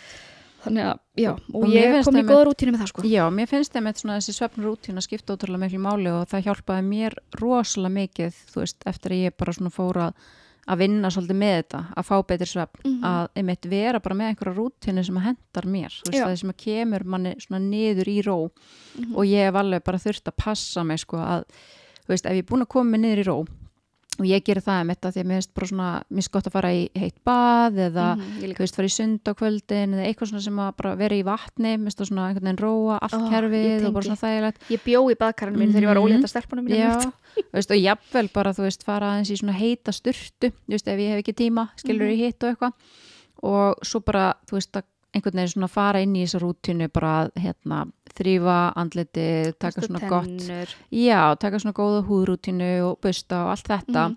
og svona á meðan svolítið ég er að gera allt þetta, þá finnst mér rosalega gott að lusta kannski örlítið á rólega tónlist Mhm. eða eða kannski hljóðbók veist, eitthvað svona sem er svolítið svona leiðamann einhvern veginn að hugurinn svona fari niður í ró Mhm. og ég hef alveg fundið það, svo ef ég þú veist, svindla, þú veist, þegar maður er búin að vera inn í rútinu og er bara svona algjörlega tilbúin að fara að sofa, en svona allt í einu bara, æ, er eitthvað aðeins að kíkja þannig ég sé um einhver skilabóða með það er bara farin sko. já, eða bara eitthvað á Instagram eða eitthvað og þá, þá er maður bara farin og þá Mhm. geti ég bara vakað alla nóttina og verið bara vesinast í einhverju svona skrolla og Einmitt. þú veist, svara þessu og gera hitt Mhm. og bara, já, herði, ég er um tölvupósta og Mhm. herði, já, ég er nú aftur að horfa farin já, akkurat, maður þarf eiginlega svolítið svona að, þú veist, ég sér já, setja sér eitthvað svona reglur og En- bara, mér fannst líka ótrúlega gott að átta mig á því að því að ég sérst áður en ég fekk greiningu að ég, og við höfum ekki talað um þetta í hláðarpun okkar að ég, hérna, þú veist, ég, ég myndaði mér engar eigin skoðanir. Mm, þú veist, ég fór bara algjörlega með fólkinu í kringum mig, þú veist, ég bara þú veist, ég var svona jámanneskjan. Þú veist, ég bara, þannig að ef fólk vildi fara seint að sofa þá fór ég seint að sofa, þú veist, ef ég, þú veist að ég, ég lifði mig bara algjörlega inn í rútínu þeirra sem ég var að umgangast. Mm að hérna, en eftir ég fekk greiningu þá áttaði ég mig líka bara á því að ég, bara minn, minn rithmi er ég er mjög aktíf á mótnana. Þú veist, heilin á Mhm. mér er á miljón bara eftir um sexleitið. Mm að ég frekar vel þá en þú veist, eftir klukkan 9-10 ég er ekki að fara að gera neitt sem skiptir máli. Þú veist, það er bara, ég er bara að fara að gera eitthvað heilulust algjörlega. Þannig að ég frekar vel þá að fara fyrir að sofa já, og, vakna fyrr. snemma. Veist, að, hérna, að það var líka ókslega gott þegar maður átta sig á því hvað hendar fyrir mann. Af því að ég veist, hefði alveg eins geta verið þá ef ég og Birna hefði byrjað að vinna saman ég hefði bara dottið hennar rithma, skilur Mhm. þó að hendaði mér ekki neitt en þá bara því að hún er í þessum rithma þá hlýti ég þurfa að detti hann líka. Að það er líka bara svo gott og svo frelsandi þegar maður átta sig á því hvað virkar fyrir mann sjálfan. Já, og það er náttúrulega mikilvægast í þessu Mhm. að finna það út, veist, og ég er mitt hérna, ég er mitt með svona sko öfugan heila á við þig að sem sagt, til dæmis milli bara 6 og 8 á modnana, -hmm. Ég er bara ekki manneskja, veist, ég bara gerir mjög oft grínaði, ég er andsetin. Já. það bara á þessum tíma dags er heilin Já, það er alveg þannig sko.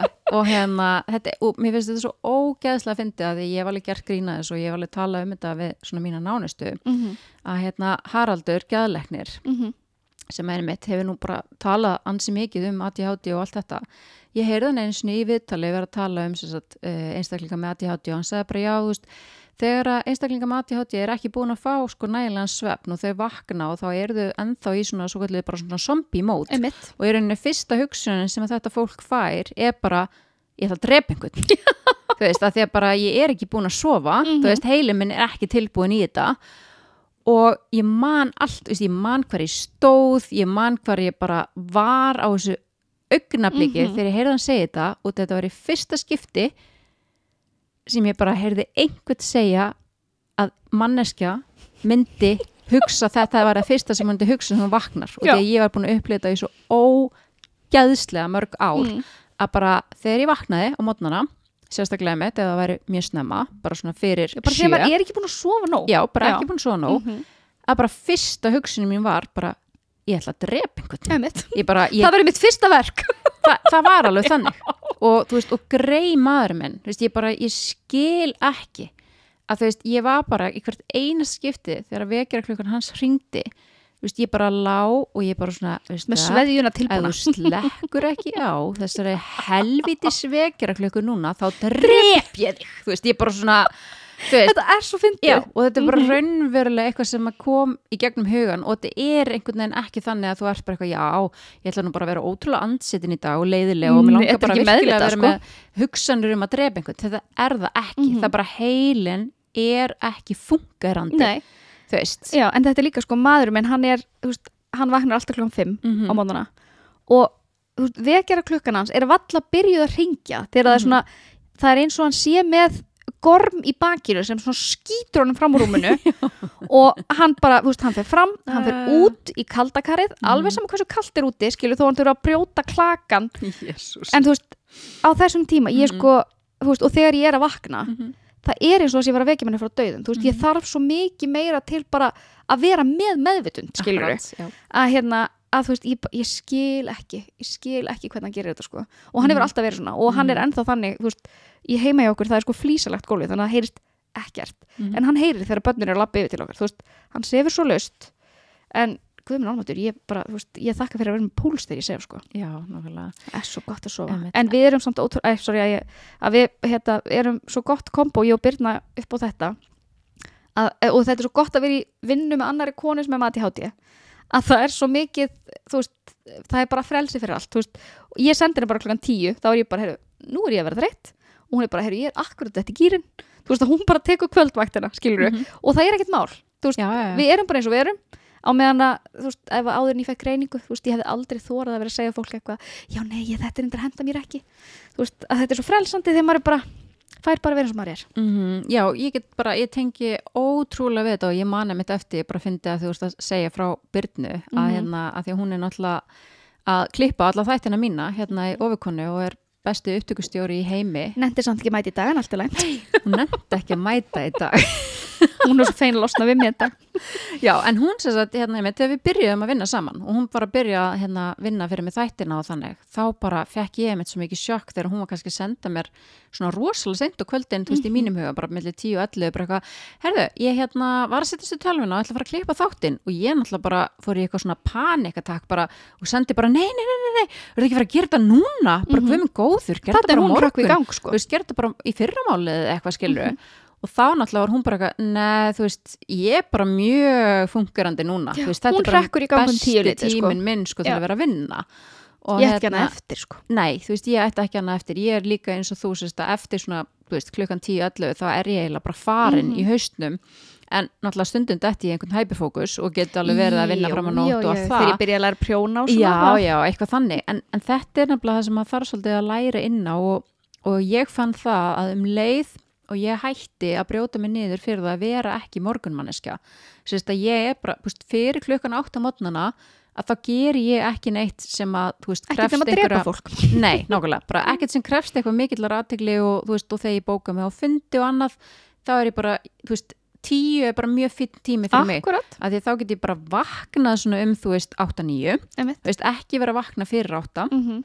Og tekið mér svona til í rólehitum og borða rólega morgumat og tekið svona slow morning og svo svona klukkan 10 þá er ég bara að detta í rosalega góðan Já. svona fókus með vinnu og líka maður Og- býr þann lúksus að geta skipulagt Mhm. sjálf hvernig vinnudag maður vil hafa bara að maður á Akkurat. að sníðan eftir því Einmitt. hvernig líka minn er að því að Já, annars ert að fá 90 sinni minna út í vinnudeginuðinum mm heldur en að þú værir að þræla þér út klukkan 8 skilur að mæta, þú er aldrei af skemmtilega produktiv, þú veist, að Mhm. Nei, hittast og á þetta er svo mikið frelsi þegar maður átt að segja á því, þú veist, að, að kannski að velja svolítið betur fyrir sér, bara þú veist, í staðin fyrir að í mörg ár verið að brjóta mig svo mikið niður fyrir þetta og bara, Mhm. af hverju getur ekki verið sestu tölvuna klukkan átta og bara byrjað á fullu að vinna, af hverju ertu svona slow, skilur og náttúrulega sjálfsögur líka, ég var ekkert menn að ég átti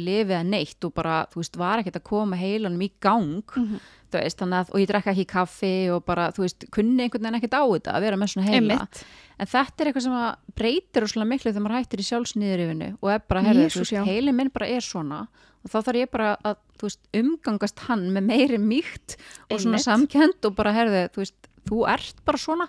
Og þá- tappa inn á þína Já. aktífi tíma sko, því að líka kosturinn samt að ADHD er að okkar aktífi tímar, við erum að, húst, afkostun okkar eru miklu meira heldur en hjá meðalmannskinni þannig að ef við erum að nýta tímana sem við erum produktiv vel, Mhm. þá erum við al, koma alveg að miklu, ef ekki meiru í verk heldur en meðalmannskjan sko. Já, og menna eitt gott dæmi um þetta að hérna, yfir maður minn í minni vinnu sem ég er búin að vera að vinna með mjög lengi, mm -hmm. segi við mig fyrir nokkrum árum þegar hún sem sagt bað mig um að taka að mér fullt starf Mhm. og ég bara segi henni, herðu, veistu, ég bara þú veist, þú bara þekki mig held ég það vel og veist að ég get ekki fara að setja fyrir framann tölvi átta klukkutíma á dag.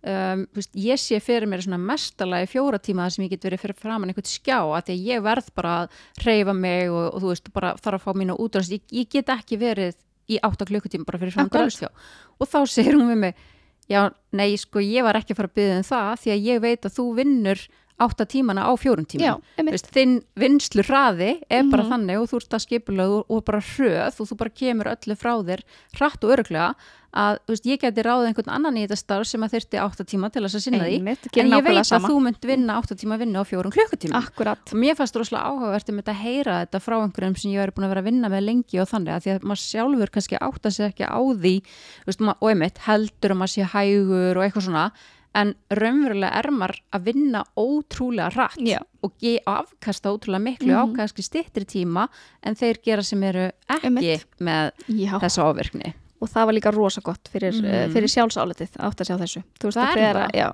það er það að því að maður upplifir sig svo að maður upplifir sig alltaf eins og maður sé að gera allt vittlust sko. Mhm.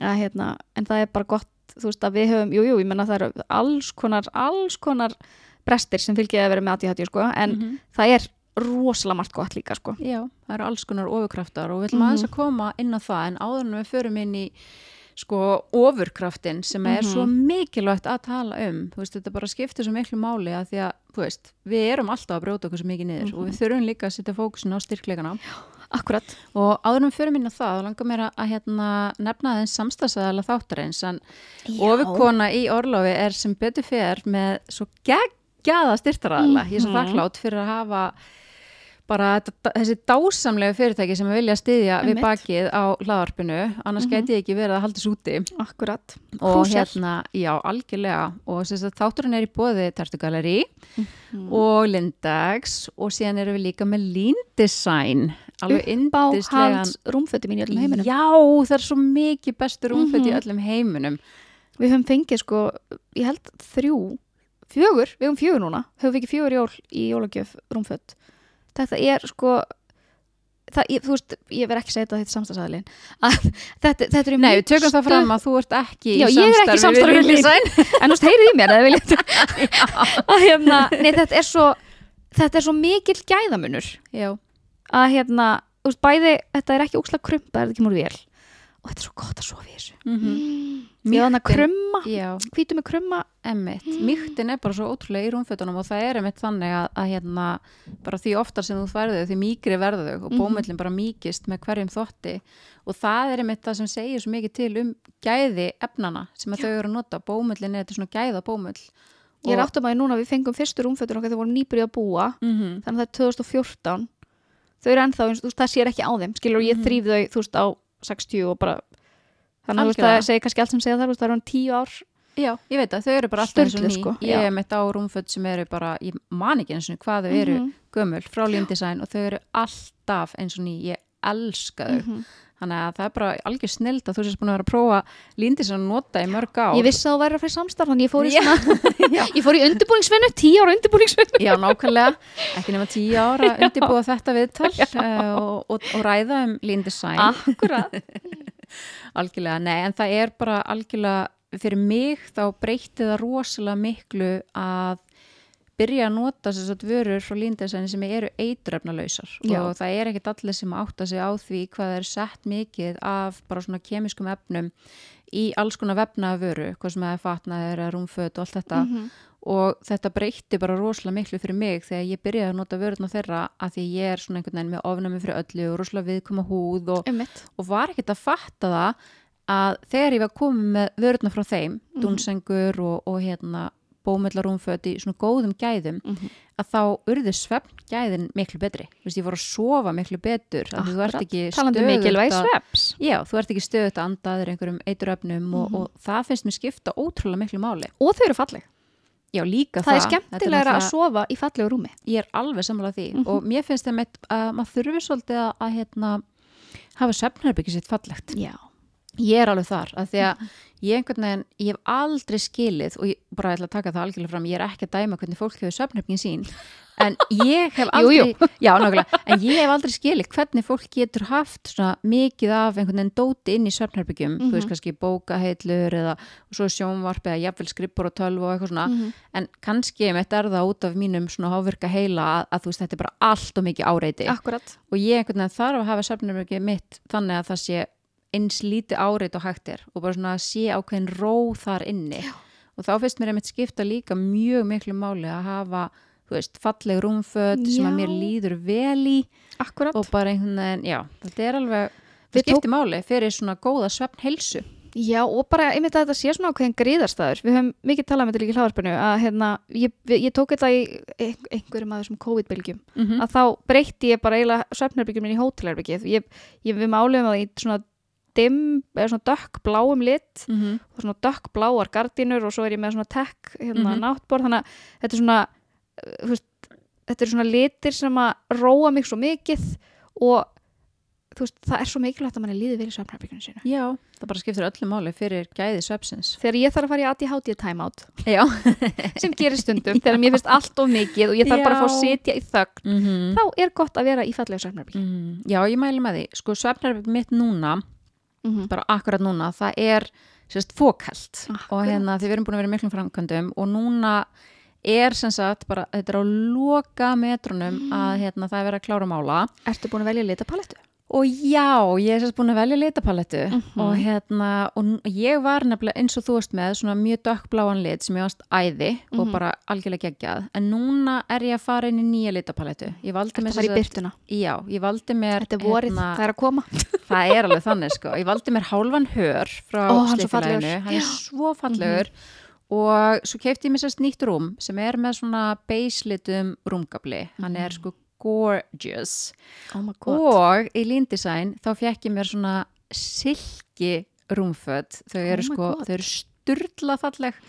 Og ég valdi mér sérst hvít til þess að tóna svona við svona þessa ljósbrúnu liti sem ég er búin að velja en það verður svona hvít, ljósbrúnt og ég er einmitt að fara að velja með gardinur og, og finna mér einhverja mottu og eitthvað svona kósi, þannig að einmitt, þeir sem hafa áhuga á einhverju svona Mhm. endilega vippa sér inn á Instagrami mitt Björgu og Kó Akkurat. að því ég ætla að sína frá þessum breytingum á Sarpnarbygginu í næstu viku. Þannig að svona sirka þegar að þessi þáttu kemur út og þá svona fljótlega eftir það. Mm Þú hefur sko sendt mér einhverjar ég er nefnilega búin að vera að hugsa svona, þetta er langur svolítið að fara að byrta til í herbygginu mm en við erum, veist, að við erum í framkvæmdum í herbyggjum dætra minna þannig ég svona -hmm. er að býða með það sko hvenar ég á að bera þetta undir manni minn svona, Já, þú ert, ekki að fara að breyta. Þú ert sérst ekki svo ég sem að ber ekkert undir manni minn og hendi mig bara í að breyta Nei. og svo kemur hann heim og þá bara er verið að mála og Nei, ég, ég er ekki þar sko. Ég væri það samt alveg 100% ef ég væri ekki í vinnu, þú veist, frá 84 annars þar utan heimilsins þá væri ég 700% þarna. Já. Ég er nefnilega búin að vera svolítið mikið að vinna heimi á mig núna upp síðkastir mm og þá, þá gerast hlutir sko, sem eru ekki, ekki góðir fyrir veski mitt eða, eða bara almenna heimili stemmingu.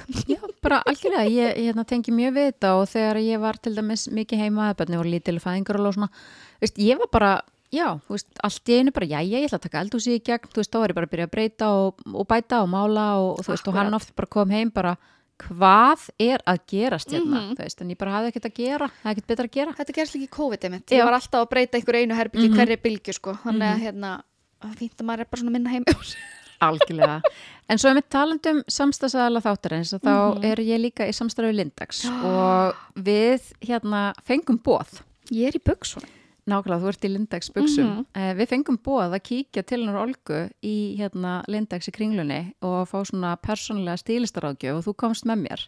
Þetta var geggjað Já, hvernig fannst þér? Sko þetta var, oh my god, þú, sko ég er búin að tala um þetta við svo marga eftir að við fórum, ég er nefnilega svona partur af ADHD-vessunni í mér Mhm. að hérna, þegar, þegar ég fekk greiningu að Mhm. þá áttaði ég mig á því að ég sko ég vissi ekki hvað mér fannst falleg föt þú veist, Mhm. ég, var, ég var það meðvirk að ég bara allt, þú veist, ég myndaði mér ekki eins og skoðanaði hvað mér fannst falleg, fallega flíkur úr sjálfur mér þannig að og það hefur verið alveg svona pínu krísa fyrir mig ennþá eftir þetta, ég, mér finnst þú erfitt að vesla með föt af því að Mhm. mér veist, ég veit ekkert hvað fæð mér vel ég veit ekkert hvað þú veist eh, þú veist mér finnst leðilt að fyrir búðir að því að það er ókslega mikið af fólki og ég þarf að vera að leita að einhverjum stærðum og veist, það er ókslega mikið byrt og ókslega mikið læti og áreiti þannig að Mhm. við fórum þannig bara veist, klukkan áttu morgun Mhm. Þú veist, það, var, það var ennþá lokað í búðinni þannig að við Já. vorum bara einar Já, þú nefnilega sko bara hoppaðir hæðina þegar ég, hérna, þú varst að spyrja mig svona hvað tímar var í bóði og ég bara, ég veist, ég meina það er náttúrulega hægt að mæta klukkan átta og þú bara, ha? prime time Bíddu, Er hægt að mæta svona snemma? Mhm. þetta fannst mér þú veist, bæði það, hún náttúrulega bara tók um mót okkur og hún var með svona, kalla hún þetta ekki hest Já, svona bara setta- flata rekka sem Já, hún dró rekka. á eftir sér og, og um ég alla búðina. já, og ég reynda að sagði bara við hana bara ég til í að prófa hvað sem er og hún bara svona sko, þú veist, leita á mig sem var bara já, ég held þessi litið farið vel Mhm. og hún bara svona tók alls konar fött Mhm. svo bara rúla hann þessu inn, á, inn í fataklefan Mhm. og ég var bara að máta og hún lét mig prófa þetta og þetta saman, veistu þetta var mér leið, þetta var svona blöytur draumur fyrir mig Ég veist, þetta, var, þetta var svo mikill lúksus og líka sko að því að eins og hún lét mig velja sko appisnugulan trefil, eitthvað sem ég hefði alveg, þú veist, ég held að appisnugulur færi mér ekki fyrir fimmura Mhm. en svo þegar ég sett það á mig þá er ég bara, jú, þetta er bara fullkomi litur fyrir mig. Mhm. þú veist, hún kom með svona hugmyndir sem maður myndir sjálf skilur aldrei þora að pröfa. Þannig að mér fannst þetta, þetta var sko mér leið svona eins og ég væri konungborin Já, þetta var svona þannig maður bara var þægilegt, búðinni og já. þetta var geggja þú veist, bara að fá þess að þjónustu að, þú veist, hún svona kemur bæði með hugmyndir, þú veist, að prófa þetta og prófa hitt, Mhm. eitthvað sem að maður kannski meitt hugsaði ekki áður, bara þetta mun ekki fara mig vel. já, Og hérna, og svo náttúrulega líka bara þetta, þú veist, að vera í mátunarklefanum og hafa bara svona ótrúlega persónulega þjónustu, bara Mhm. alltaf að stökkva og sækja aðra stærðir og já prófa þetta saman og mismundi samsetningar. og það sem ég varst líka geggjað var að hún var samt alveg hreinskilin, þú veist, að þegar það var eitthvað sem að ég var eitthvað svona kannski ekki viss með og hún var bara, fílar þetta ekki, eitthvað, nei, hún bara, nei, samanlega þetta, þetta er ekki fyrir þig, Mm -hmm. þú veist, að því að það er líka ógeðslega auðvelt og ég er alltaf pínurrættum þegar fólk er svona þjónustulund skilur og það er bara að reyna að selja manni hvað sem er skilur, Já, bara til að selja það. Akkurat. en hún var líka bara mjög hrein og bein með að þegar eitthvað henda ekki, þá var hún bara, nei, ég ætla henni að finna eitthvað annað frekar, þú veist, Já, þannig að mér fannst ég svona strax vita hver ég hafði þannig Já, og, og nú er bara ótrúlega margar konur sem ég þekki búin að fara til Olgu og hérna, og þær tala einmitt, mér allar tala um þetta sama að það, þær upplifa enga pressu að það sem voru að máta bara eitthvað, nú verði þá bara að kaupa þetta eða eitthvað svo leist. ekki Þetta er bara svo algjörlega bara verið að hjálpa þær að finna út bara svona hver er minn stíl, hvernig er mín snið, hvaða litir fara mér. Og svo er þetta bara undir manni sjálfum komið, bara er þetta föt sem ég langar að eiga og kaupa mér, skilja, þetta er bara að því að þjónustan er frí, þú veist, þú getur bara að fara inn og núna sem er og- styrla dæmi sko. Já, og bóka bara hjá Lindax, þú veist, að fá hérna þessa þjónustu, ég gæti ekki mælt meira með sko. persónulegu stílisti Mhm. og hérna, og það er svo mikið snild að þurfu ekkert að borga fyrir þjónustuna og þú ert ekki skuldbundin til að kaupa neitt. akkurat Þú bara getur valið fyrir þig og, og þetta er bara algjör snild. Já, og þetta er sérstaklega líka bara fyrir, þú veist, þó ekki nema bara til að finna veist, þinn stíl, skilur þú veist, að finna nákvæmlega. einhvað svona mm. -hmm. eða eins og hún let mig velja, skilur þú veist, ég fekk hérna tvennabuxur Mm -hmm. En, og hún svona síndi mér hvernig ég gæti dressa þetta bæði upp og niður, Algjörlega. þannig að þó ég hafi ekkert keft eitthvað bilagslega marga flíkur, þá fannst mér Mhm. samt að það fengi svo mörg mismunandi dress að því ég gætt skilur að mixa þetta á mismunandi átt þannig, að- ég tengi rosalega við það. þannig að þetta var ekki svona uh, yfirþyrmandi, þú veist, þetta var bara svona nokkra flíkur og Mhm. bara alls konar tilhör til að gera með það, mér finnst það geggjað Já, ég er bara algjörlega samanlæðir. -hmm. Og líka ókslega gaman hjá okkur í Lindex. Já, ég mæla og algjörlega með því að fara einhverja svona saman, bara vinkonur eða mækur eða eitthvað að- kíkja á og hérna, það bara gerir upplifunum svolítið skemmtilegri. Já, það var ógíslega gaman Mm -hmm. Algjörlega. Mhm. En talandi um, þú veist, ofurkrafta og Mhm. hérna, mér finnst nefnilega, þú veist, það er þessi svona neikvæða umræða oft í kringum, þú veist, ADHD og þú veist, þessi þáttur fær svolítið að, að hérna, bara svona, við erum að leifa okkur að fara inn í ADHD umræðina. Þú veist, ég hef aldrei tekið áður viðtal, sérst við konu í hérna hlaðvarpinu sem að við er að segja svona frá, þú veist, sínu greiningaferli og bara svona að, að lifa með ADHD Einmitt. En trúðu mér, mjög margar sem hafa komið í hlaðarpið eru með ADHD flesta svona skemmtilega konur eru með ADHD. nákvæmlega, þess að drífandi típur, svona dúrar bara framkvæma, gera græja þú veist, náttúrulega við getum Mhm. verið svolítið kvatvísar og allt þetta og hérna, veist, hvað finnst þér vera eitthvað sem er virkilega, veist styrkleiki, þegar þú bara pælir í því með þitt ADHD, hvað er Mhm. styrkleiki? Ertu þá að meina minnstir? Já, bara þegar þú pælir í svona þínum ofurkrafti, þú veist, hvað er það sem er Mm. kostur við það að vera með svona ofurkan heila? Sko, ég um, þegar ég fæ áhuga á einhverju þú veist, Mhm. eins og bara gott að mér og hlaðvarpið, þú veist, þá þá, ég, veist, þá get ég framkvæmt endalaust, sko. Mhm.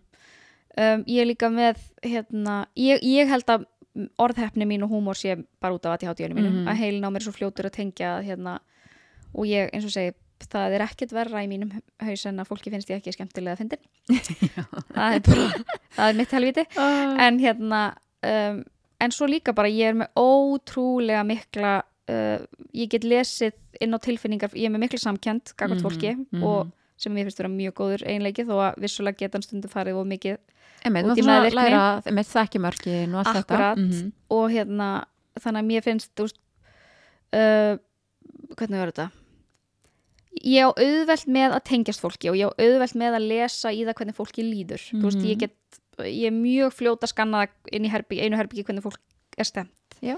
þannig að þú veist, ég- og mér finnst það mjög góður hérna, Eiginleiki. eiginleiki þú veist Mhm. að ég hérna uh, ég held að það, já, ég er mikil svona people's person, eins og Já, maður þú segir. er bara ótrúlega mikið svona félagsvera Já. og bara, já, og hérna að, og ég alveg stundum er bara skil ekki hvað ég er umkringt mikið af skemmtilegu fólki. Mm að hérna en ég held að það sé líka bara ADHD mælirinn minn sko að ég hérna uh, ég svona er ekki að staldra við fólk sem að ég nenni ekki að orku í. Nei, nákvæmlega. Ég gerði það rosalega mikið þegar ég var yngri og var Mhm. bara, þú veist, fannst ef að fólk vildi eða tíma með mér þá átti ég bara að vera þakklátt fyrir það skilur mm en það var rosalega, rosalega, rosalega gott að fá uh, greiningu og kynna sjálfur mér áttum á því að ég má alveg velju að hafna hverjum ég eða orkunum minn í sko. Akkurat. Að hérna, en ég held að það sé alveg einn af svona mínum helstu ofurkröftum og líka það að ég er ekki að staldra við í því sem er sleðlegt mm -hmm. ég, hérna, ég er alls, alls, alls ekki langrækin. Þú veist, ég bara ég frekar þú veist, ég nenn ekki að eyða orku í eitthvað leiðilegt drama, neikvæðinni sem ég hvort þið get ekki breytt þú veist, þannig ég er almennt mjög lífsglöð Já. og ég tengi svo rosalega þarna þú veist, ég Mhm. nenni ekki að dvelja við eitthvað sem er leðilegt það Nei. bara, þú veist, ég afgreði það bara og svo bara áfram veginn og ef það er hægt að breyta ykkur þá gerur Mhm. það skilur en, en og lang oftast er þetta bara eitthvað svona og eins og fólk sem er langrækið, ég hugsa bara hvernig, hvernig já og hvernig getur það, ég gleymi þú veist, Já. ef ég er pyrruð út í manni minn skilur, Já. svo fer ég út í búið og kem tilbaka og ég er bara hæ, og ég man ekkert af hverju ég var pyrruð út í hann skilur, Mhm. og en, en aftur á móti að þegar ef það er farið svo yfir eitthvað mörk hjá mér að Mhm. þá er ég brjálið en þú veist, Já. það hefur kannski gert fyrsunum æfnilega Mhm. eitthvað þannig að, hérna já, þannig ég held að það sé svona tilfinningarík? Þú veist, er, er auðvelt að, þú veist, ferðu auðveldlega, þú veist, að gráta og, og þegar eitthvað gleði þá er það bara geðveikt skemmtilegt og, uh, ég hef grátið yfir örugglega svona 70% af Æslandi er auðlýsingum ef, ef að það er svona svara spurningun ég get sko ég er hræðileg, ég sko get ég verð svo meir Mhm. að ég sko þú veist, ég á sérst tvær yngri systur ég á Mhm. mjög mörg sískinni mm uh, og ég á tvær yngri systur sem eru sem sagt, uh, þær eru 13 og 16 ára yngri en ég -hmm. og ég, þegar ég fór á fimmleikasýningu hjá sýst, sýst, annari Mhm. sýstu minni, hún var þá sko held í 7 ára Mhm. og ég fór sko að grænja því ég var svo stolt af henni Já, sko bara Guð forði mér frá því þegar börnin mín fara að vera í einhverjum íþróttum ég þarf að fara að horfa á sýningar því að Mhm. þú veist ég bæði, þú veist, og það eru allar tilfinningar sem geta látið mig gráta, þú veist, ég verð svona ótrúlega þakklátt, Mhm. ég hérna þú veist, ég var í bílnum með dætur mínum fyrir svona þremmu mánuðum síðan og við vorum, neða þetta var í sömar það var gott Mhm. veður og vorum að keira og það var lag í útvarpinu sem ég byrjaði að syngja með og þær byrjuði að syngja með líka. Mhm.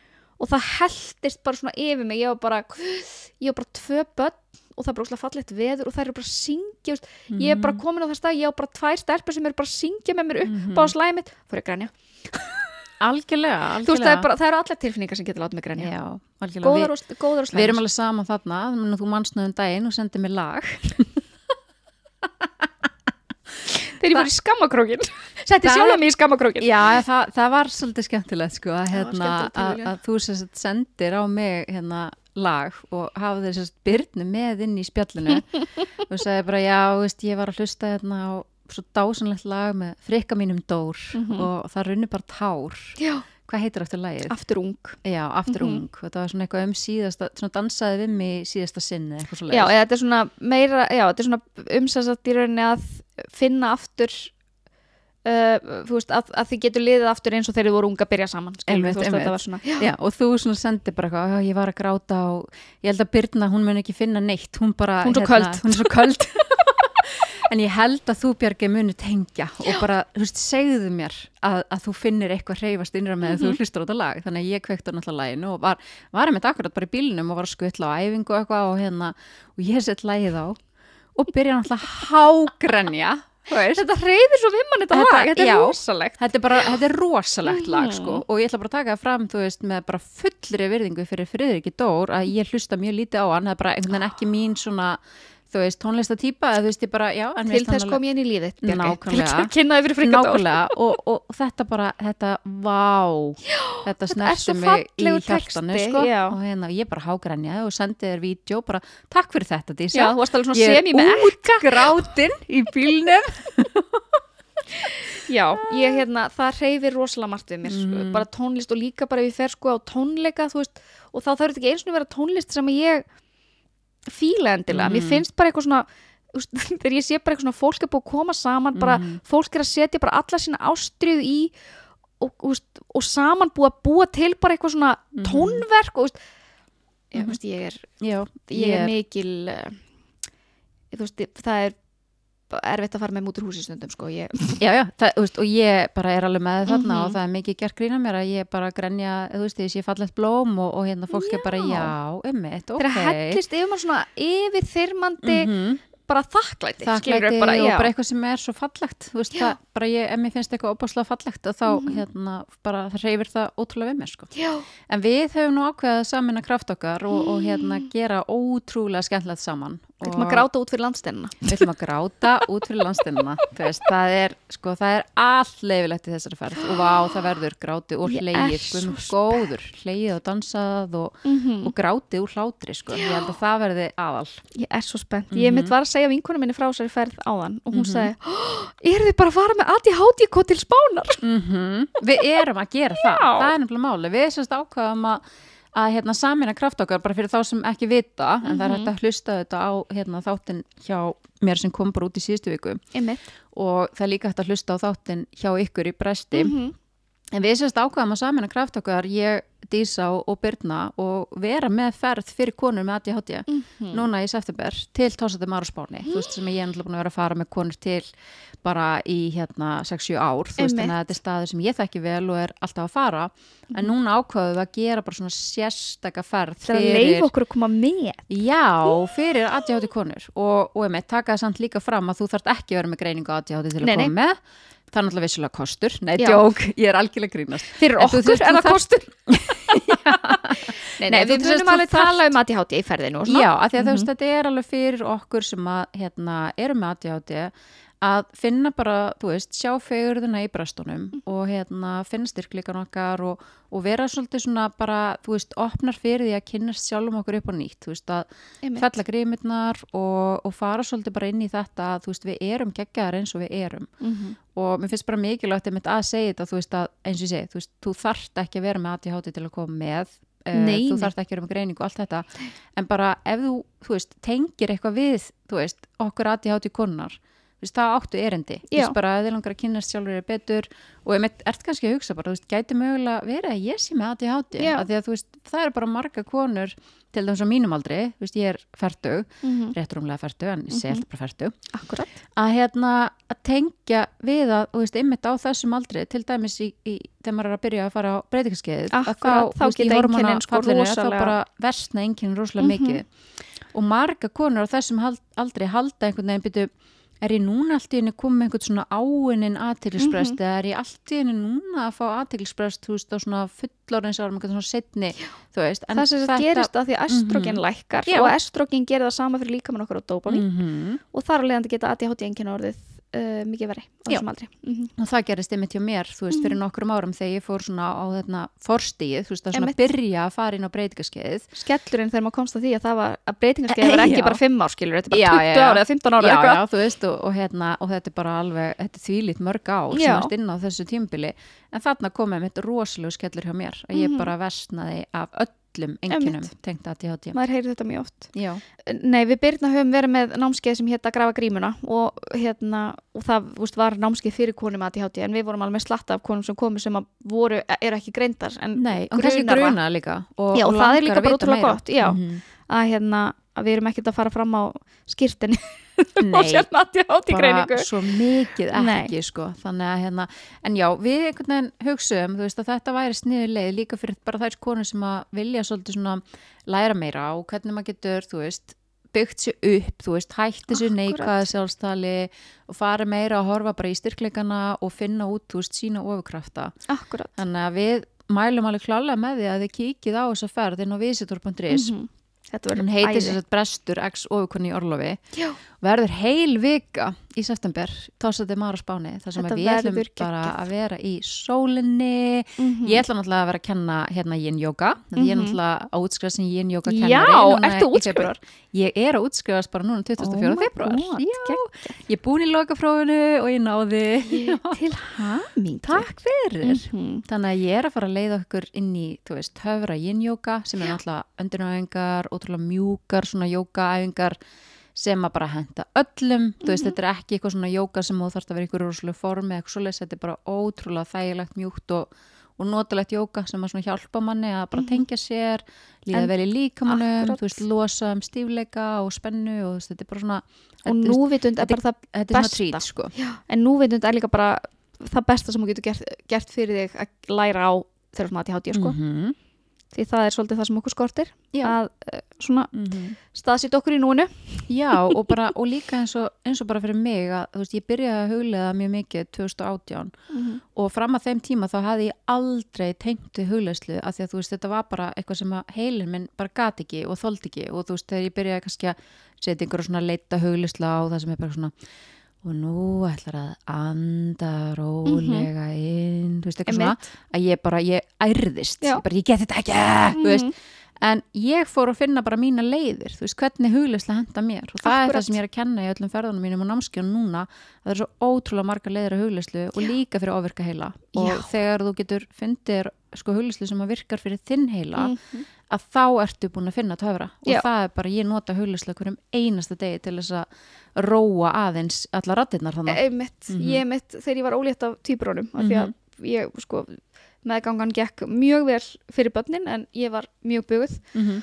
og hún er mitt létt með þá, hún frænka mín sem ég, sem að, ég vil meina hafi svo ítt mér út í greiningu að hún Já. hérna að hún er mitt sagði mig þá, sérst, hún sagði nú þarfst þú bara að byrja að huglega því ég svaf svo illa á eitthvað og þá sérst bjó ég í baðkarinu mín og þá byrjaði ég að æfa Mhm. mig í og þá er mitt fór ég svona guided meditation and headspace appið mm og þetta bara, veist, ég notið þetta ennþá reglulega, þetta bara bjarga mér, ég glemdi þessu svo náttúrulega nokkur ára eftir ég átti þær -hmm. en þetta er bara þetta er svo gott. Já. og þetta- þetta er æfing. Þetta er, þetta er eitthvað sem maður er ekki góður í strax. Algjörlega, þetta er æfing. En þetta er svo ótrúlega gott. Ég veit það. Og veist, ég til dæmis þegar við verum út í Tósandi Mar þá mun ég bæði til dæmis leiða hugleyslu á ströndinni þar sem við erum bara í svona náttúru með það á sama tíma.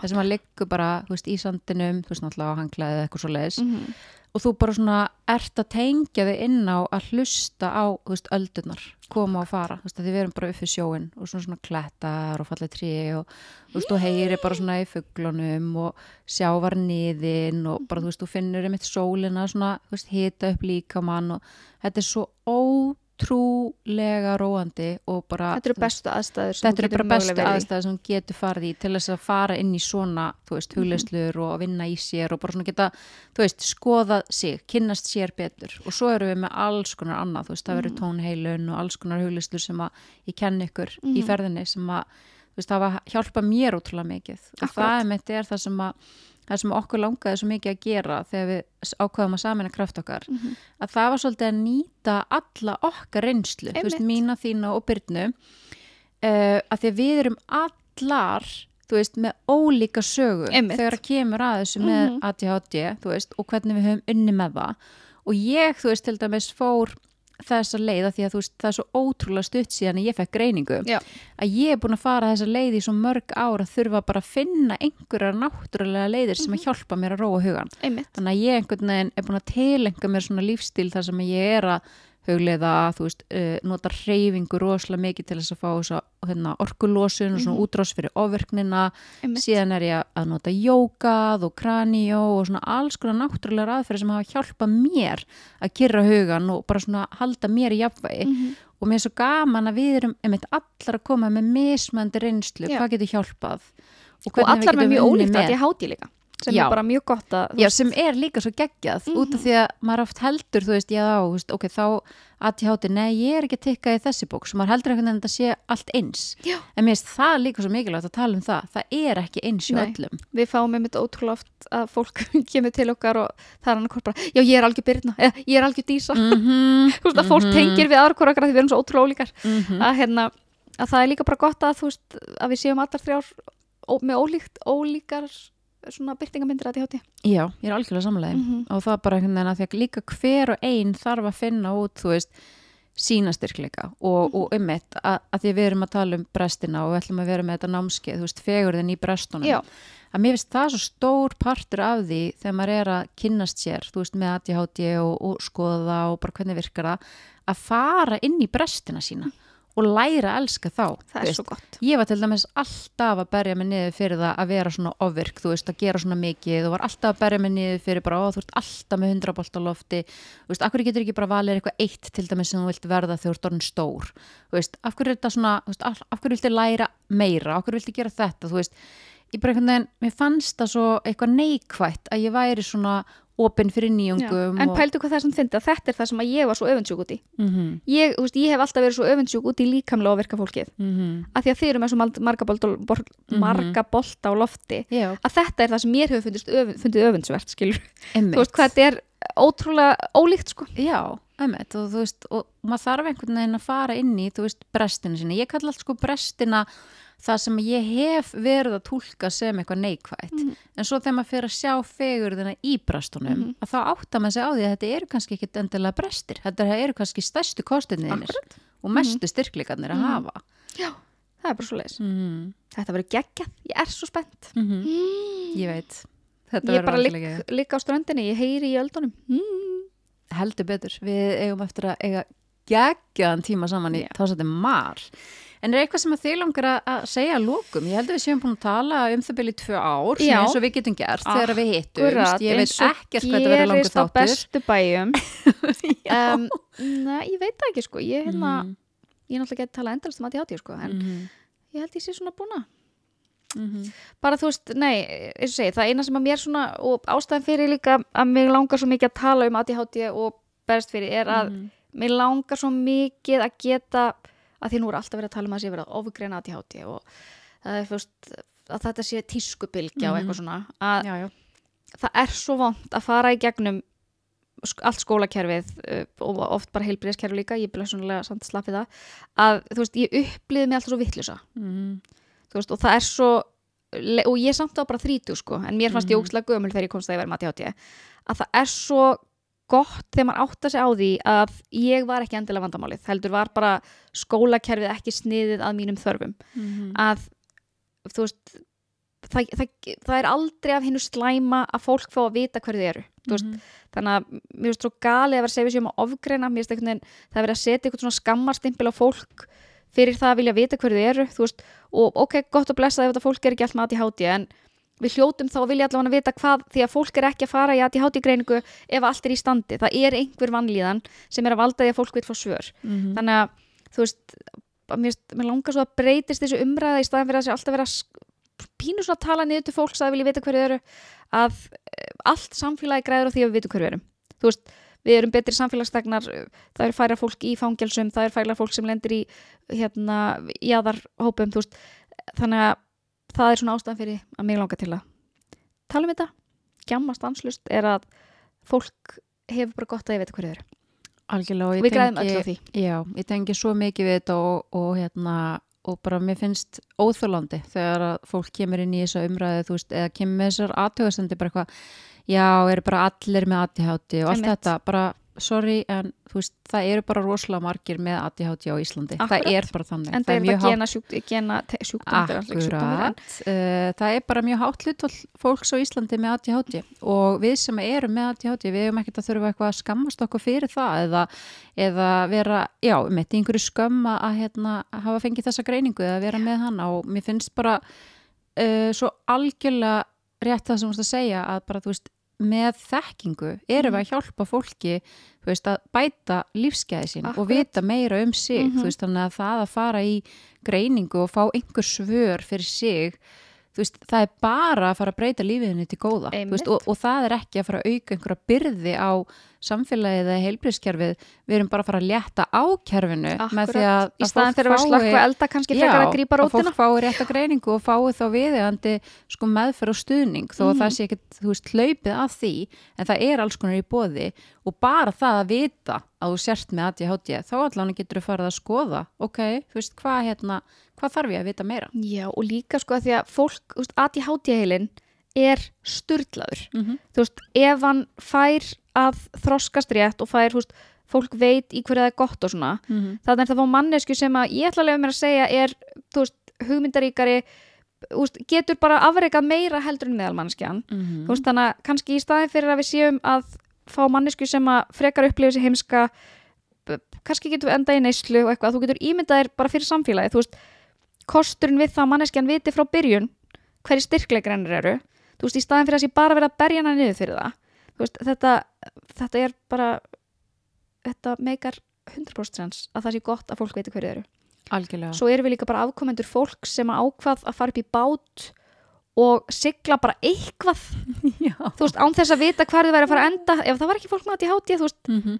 enginn með heilan heila hefði tekið þess ákvörð að búa á þessu skeri Já, einmitt að fara bara upp í bát af, af meginlandinu og bara ég ætla að sjá hvar ég enda og koma svo hingað og bara, jú veistu, ég ætla bara að vera hér, þetta er bara næs. uh, Ísland besti heimi Tórs þetta er mar, besti heimi. Nákvæmlega, við erum alveg svolítið svona að tegja hérna tætnar yfir til spánar Já. og hérna þetta, já, það er bara, það er alveg nöðsilegt þegar maður býr á þessu skeri. Mhm. uh, ég ætla samt alveg, algjörlega að segja að ég, raunverulega, ég elska Ísland út á lífinu, bara styrlu náttúra og bara ég elska Ísland. En ég viðkynna, mér finnst rosalega erfitt að búa hérna við vetratíman og bara myrkrið og kvöldin og skamdið og allt þetta, þetta er erfitt fyrir mig uh, þannig að það er bara mín lífsbjörg, það er að komast í sólina, þú veist og Við ættum að fá ríkistyrk til að fá. við ættum að fá nefnilega styrk þú veist, þessi ferðin okkar ætti að vera niðugreitt bara, þú veist, til þess að þú getur farið og fengið sólarhæðslu bara, og þetta er bara svona andleg velíðan, þú veist, Já. þú ert að fá það í, í, í bara með sólinni, sko En Það er- að greiða niður. Já, algjörlega, ég mæli með að kanna réttin að því að þú veist við erum með námskeið í þessari ferð og bara langflest stjættafélagin er að, að niðurgreiða ferðin okkar. Það var einn sem var að bóka síðferðina sem var einmitt, hún var búin að vera að býða eftir svar frá stjættafélaginu og hún Mhm. bókaði sig í gær. Nákvæmlega, nákvæmlega, bara geggjað. um að gera, að tjekka og, og, og skella sig með. Mm En bara takk svo innilega fyrir spjallið og leifa mér aðeins að hérna, fá insinn í þinn áverkaheila. Takk fyrir að lefa mér að Mhm. koma, var ógstlega gaman. Já, bara virkilega gaman að setjast niður með loksins og spjalla, við erum búin að stefna þessu lengi. Einmitt. og bara algjörlega geggjað að fá að, hérna, heyra svolítið svona þína sögu að því ég veit bara sjálf, þú veist, verandi kona sem að í, í mörg ár bara vissi ekkit hvað væri aðinni í heilanum. Og svo allt í henni fór hún að heyra sögur annar að kvenna og bara svona, ha, já, byrju, ok, eru fleiri eins og ég? Einmitt. að þá svona bara fóru alls konar ljósapörur að kveikna Mhm. og áttaði mig á að ég væri greinilega ekki alein með þennan ofurka heila minn og, hérna, og ég veit að, að svona insýn þú veist, og, og sagan þín er að hjálpa uh, öðrum konum að bara átta sig á því hverjar þær eru og, hérna, og það er bara ótrúlega dýrmætt bara takk svo mikið fyrir að opna þig og deila þinni sögu. Takk fyrir að fá mig. Mín var svo sannlega. Heiði.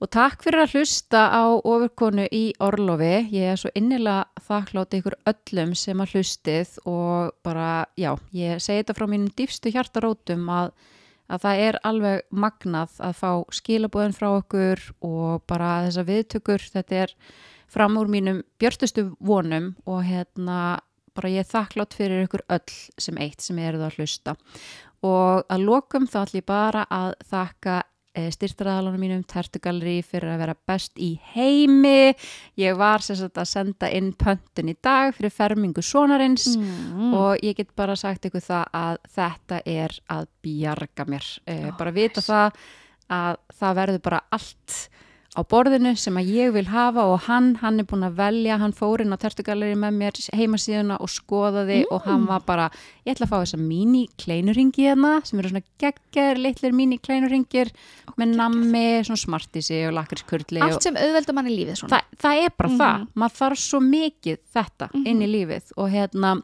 og hann valdi þetta allt sjálfur og svo að því að hann elskar sérst íslenska fánan og allt íslenskt að þá er hægt að velja þarna geggar tertur svona með íslenska fánanum og nammi og þú veist þetta var bara, þetta var himnaríki fyrir hann. Mm en þetta bara er algjörlega geggjað og ég pantaði brauðtertur og kransaköku og einhverja geggja fermingatertu þú veist og bara þetta er, þetta er svo mikið snild og núna þá er ég bara svona að fara áhyggjulaus inn í þetta að undibúa veisluna.